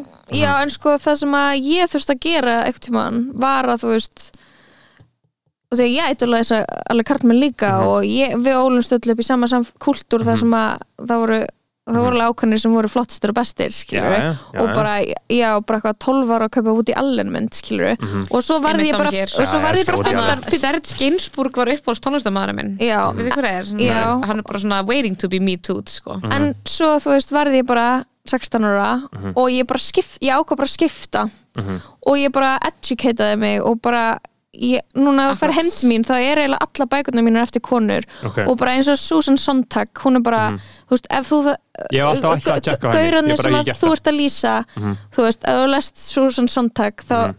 eitthvað, eitthvað aðra konu sem er geggjuð þú veist, bara byrj, þá, þá fattar þau já, hún er fucking klár og merkileg og Uppáhalds íslenski reythöndur mín er Kristín Eiríksdóttir Já, hún er líka geggjuð Já, og bara ég byrjaði að lesa hana Já. líka í mentaskóla og Já. var bara, þú veist, og var starfströkk þegar ég hitt hana, skilur og Mhm. hún er eitthvað, hún er geggjuð og Hún er bara eitthvað, skilur þannig að þetta er svona líka á Mhm. einhverjum tímapunkti bara eitthvað að skipta skiptum fókus, Mhm. að færa þú veist, byrja að horfa ykkur annað og því að það er, það er ákvörðun, skilur Al, algjörlega, Ákvörðun. og ég hef náttúrulega gert það alveg markvist, sko, fyrir kannski svona fjórum-fimm árum eitthvað, þá fór ég meira svona að hlusta á hvernig tónlist og eitthvað svona Það fór í genre á. Spotify. Nei, Women of Pop Women of Power, girl, Power Music. Uh, og ég náttúrulega, ég, fíla Lana Del Rey og ég fíla Doja Cat og Tierra Whack og, Sissa skilur það er auðvitað fullt af þennan milli, sko. Þannig ég er svolítið alhæfa með að segja bara að hlusta á, já, en, á, en á, þú ert náttúrulega bara að lýsa svolítið bara þessu svona hvað ég segja, þessu canon skilur, Já, já. sem að bara er þetta bara er svona, skilur og maður þarf alveg að taka með þetta ákvörðun líka um að kynna sér eitthvað annað, skilur en Já. það er bara svona gott að en ég, held, 100%. en ég held nefnilega líka skilur að þarna þú veist, fucking vandamáli sé að bara þú veist, fólki í gaggina samböndum að þú veist, gaurin sé tilbúin að bara, þú veist, elska konuna sína skiljið mig, þú veist, að hann sé að hann finnist hún merkileg. Já, veit ég hvað ég við og Já, bara, og, já, og bara eitthvað svona bera alvöru virðingu já, fyrir eitthvað svona, hún hefur eitthvað fram að færa Já, og já, bara já. eitthvað, ég þarf að hlusta á hana. Einmitt, einmitt. Bara ekki Ég, eitthvað svona, ég, ég ég, ekki- ég er samt alveg þannig Já, þú veist, já. ég, þannig ég, með okkur. Já, skilur þú veist, ég, ég er alveg þannig í, Já. í samskipti við konur, skilur ég sko Já, já, trúið já. í raunvölu á mér að ég fyrirlíta ekki konur skil, skil ég hvað ég með en við finnst þetta kvót sem ekki snúast um skilur að að, hérna, að ég held að kallmenn sína oft ekki einhver hlið á sér með konum sem þeir þóra að gera með kall, öðrum kallmennum og það er komið einhver svona einhver Gráta kúltúr og einhver, íþróttum. einhver, eitthvað tungumál fyrir vináttu á milli stráka þar sem þú segir bara ég elska þig og þú veist, eða þú, æ, fattar þú, þú veist, Já. ert bara eitthvað, einmitt, þú hittir vinina og þú ert eitthvað knúsar og þú hittir þá, æ, þú veist, það er eitthvað svona sem að er eitthvað svona alúð og eitthvað svona, eitthvað tilfinninganæmni sem ég held að kallar haldi stundum frá konum í lífi sinu Mhm. einmitt. og þeir halda því frá vinkonum sínum og halda því oft líka bara frá þú veist, konunum mo- sínum, bara sískinum sínum, sínum. mömmum sínum. Uh, þú veist, og síðan hérna kannski á einhver leiti frá bara konunum sínum skilur við, sem þeir á einhver, einhver tímumhundi í sambandinu skilur við byrja að vera kaldir. þeir, já, byrja að vera kaldir og að þeir, þeir eru að geima þessa innlegni og að, þessi tengsl fyrir eitthvað annað. Og þetta er eitthvað svona þeir, já, það er mannskjörn sem þeir byrja virðingu fyrir. Eru þú veist, kannski frekar Já. vinni þeirra einmitt. ég meina, svo til fylgta kallmenn segja líka er þetta maður mynda að vinna saman við þú veist, kalla, Já, það er ekki bara eitthvað kultúr skilur að það sé eðlilegt að þú, þú eigir þessa næmni og alúð með öðrum kallmennum en það sé Mhm. ekki endilega eðlilegt þú veist, með öðrum konum. Einmitt. En ég held að þetta búið að vera sko vandamál lífsmýns er bara af hverju elskaru mig ekki þú veist, hann að aðri kallmann, af hverju Já, er ég ekki einmitt. hvað get ég gert til þess að vera fucking respektuð eins og gaur?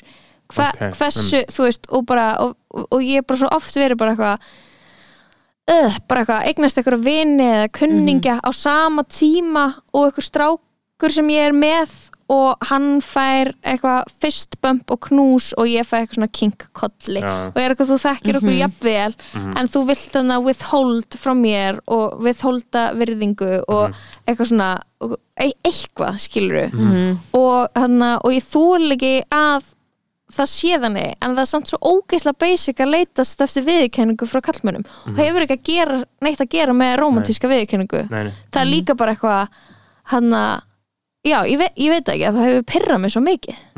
Einmitt. að fá ekki að vera já, ég veit það ekki. Já, og, og þetta er eitthvað svona sem ég bara could not possibly understand skilur, þess ég, Nei. ég, ég, ég, ég get ekki uh, tengt við þessar tilfinningar af því að það er svo framandi mér og skilur, til að, já, og til að stelpur eiga svo auðvelt með að dyrka gaura og taka þeim opnum örmum, skiljið mig? Já, já.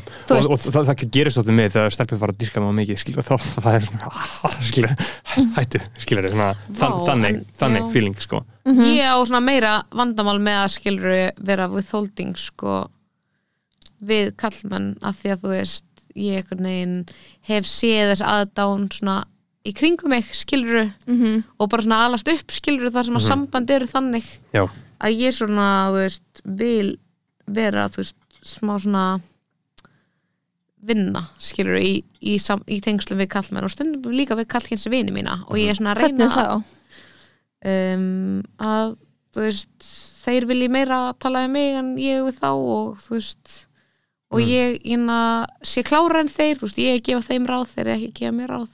Mm, þú veist, ég sé Mm, mhm. hérna put together, ég sé on it þeir með að vera vulnerable. Mm, þú veist, við mig, skilur og ég má vera svona smá mamma kannski en ég má ekki, þú veist sína einhverju svona viðkvæmni, skilur Mhm. Já, ég er einhvern veginn meira, Já. þú veist, það er meira mitt minnstur, sko, já, bara klálega, sko einmitt. en þú veist, það er náttúrulega líka bara kemur samt frá þessu, skilur, að sjá hitt gerast í kringum mig, skilur svona í samböndum, bara svona fóreldra minna og eitthvað, Mhm. það sem að þessi dýnamík er akkurat í gangi, þú veist, kallin er bara, þú veist, að halda sinni alúð einhvern veginn eftir og þú veist, konan já er að leita, að, er að, þú vilt ekki sækjast í al, Mhm. já, Nei, Mm. nei, það, en það fer líka alveg í einhverja toxic átt, sko já eins og allt viðbragð við eitruðum samskiptum, skilur Já. þú veist, þú sér Já. eitruð samskipti í kringu þig eða átt í eitruðum samskiptum þú veist, þú ert alltaf að fara vera með eitthvað, þú veist aldrei, mér sjaldan að fara að vera með eitthvað heilbrið respons við því, skilur Mhm. Mhm. þú veist, Já, þú veist, held ég get aldrei átt vin sem væri ekki eitthvað einhverju leiti fyndist ég uh, snild eða skiluru já, Mhm. já, ég, en já, ég er svona nýbyrjar en að venna með á því að svona segja eitthvað við stráka vina mína sem ég myndi segja við vinkonu mína líka. Mhm.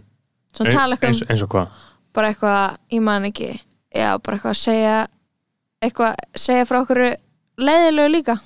Segja ekki alltaf pepp og stemming Einmitt. og bara, já. Já. það er ekkert mála að vera með mér ég er aldrei mann eitt vesen þó ég sé stelpa að vera bara eitthvað, herri, nei, ég, ég get ég, þú veist, ég get ekki gert þetta út því að þú veist, einmitt ég þarf að fara og mála mig fyrst ef við ætlum að gera þetta skilur Mm. eitthvað þannig Já. e, e, já, fattiði mig einmitt, einmitt. já, Já, já, margt eftir ólægt Svo mikið er ekki. við erum búin að komast að því hérna í þettinum hvað minn góður, já við erum sko búin já, að við vera þurfum að fara. Við gætum náttúrulega bara talað talað í allt kvöld, sko. Já.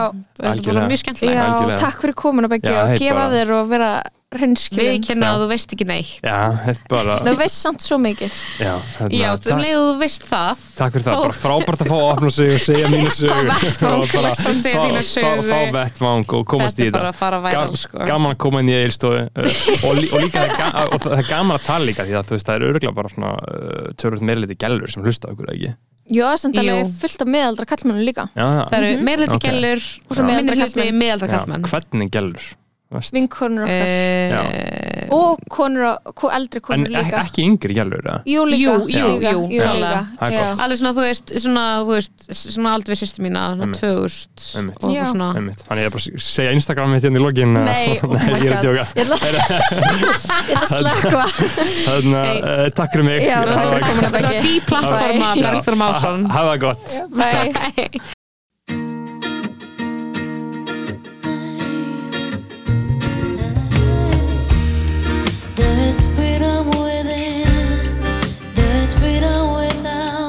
Trying to catch the days in a paper cup. There's a battle ahead, many battles I lost, but you never see the end of the road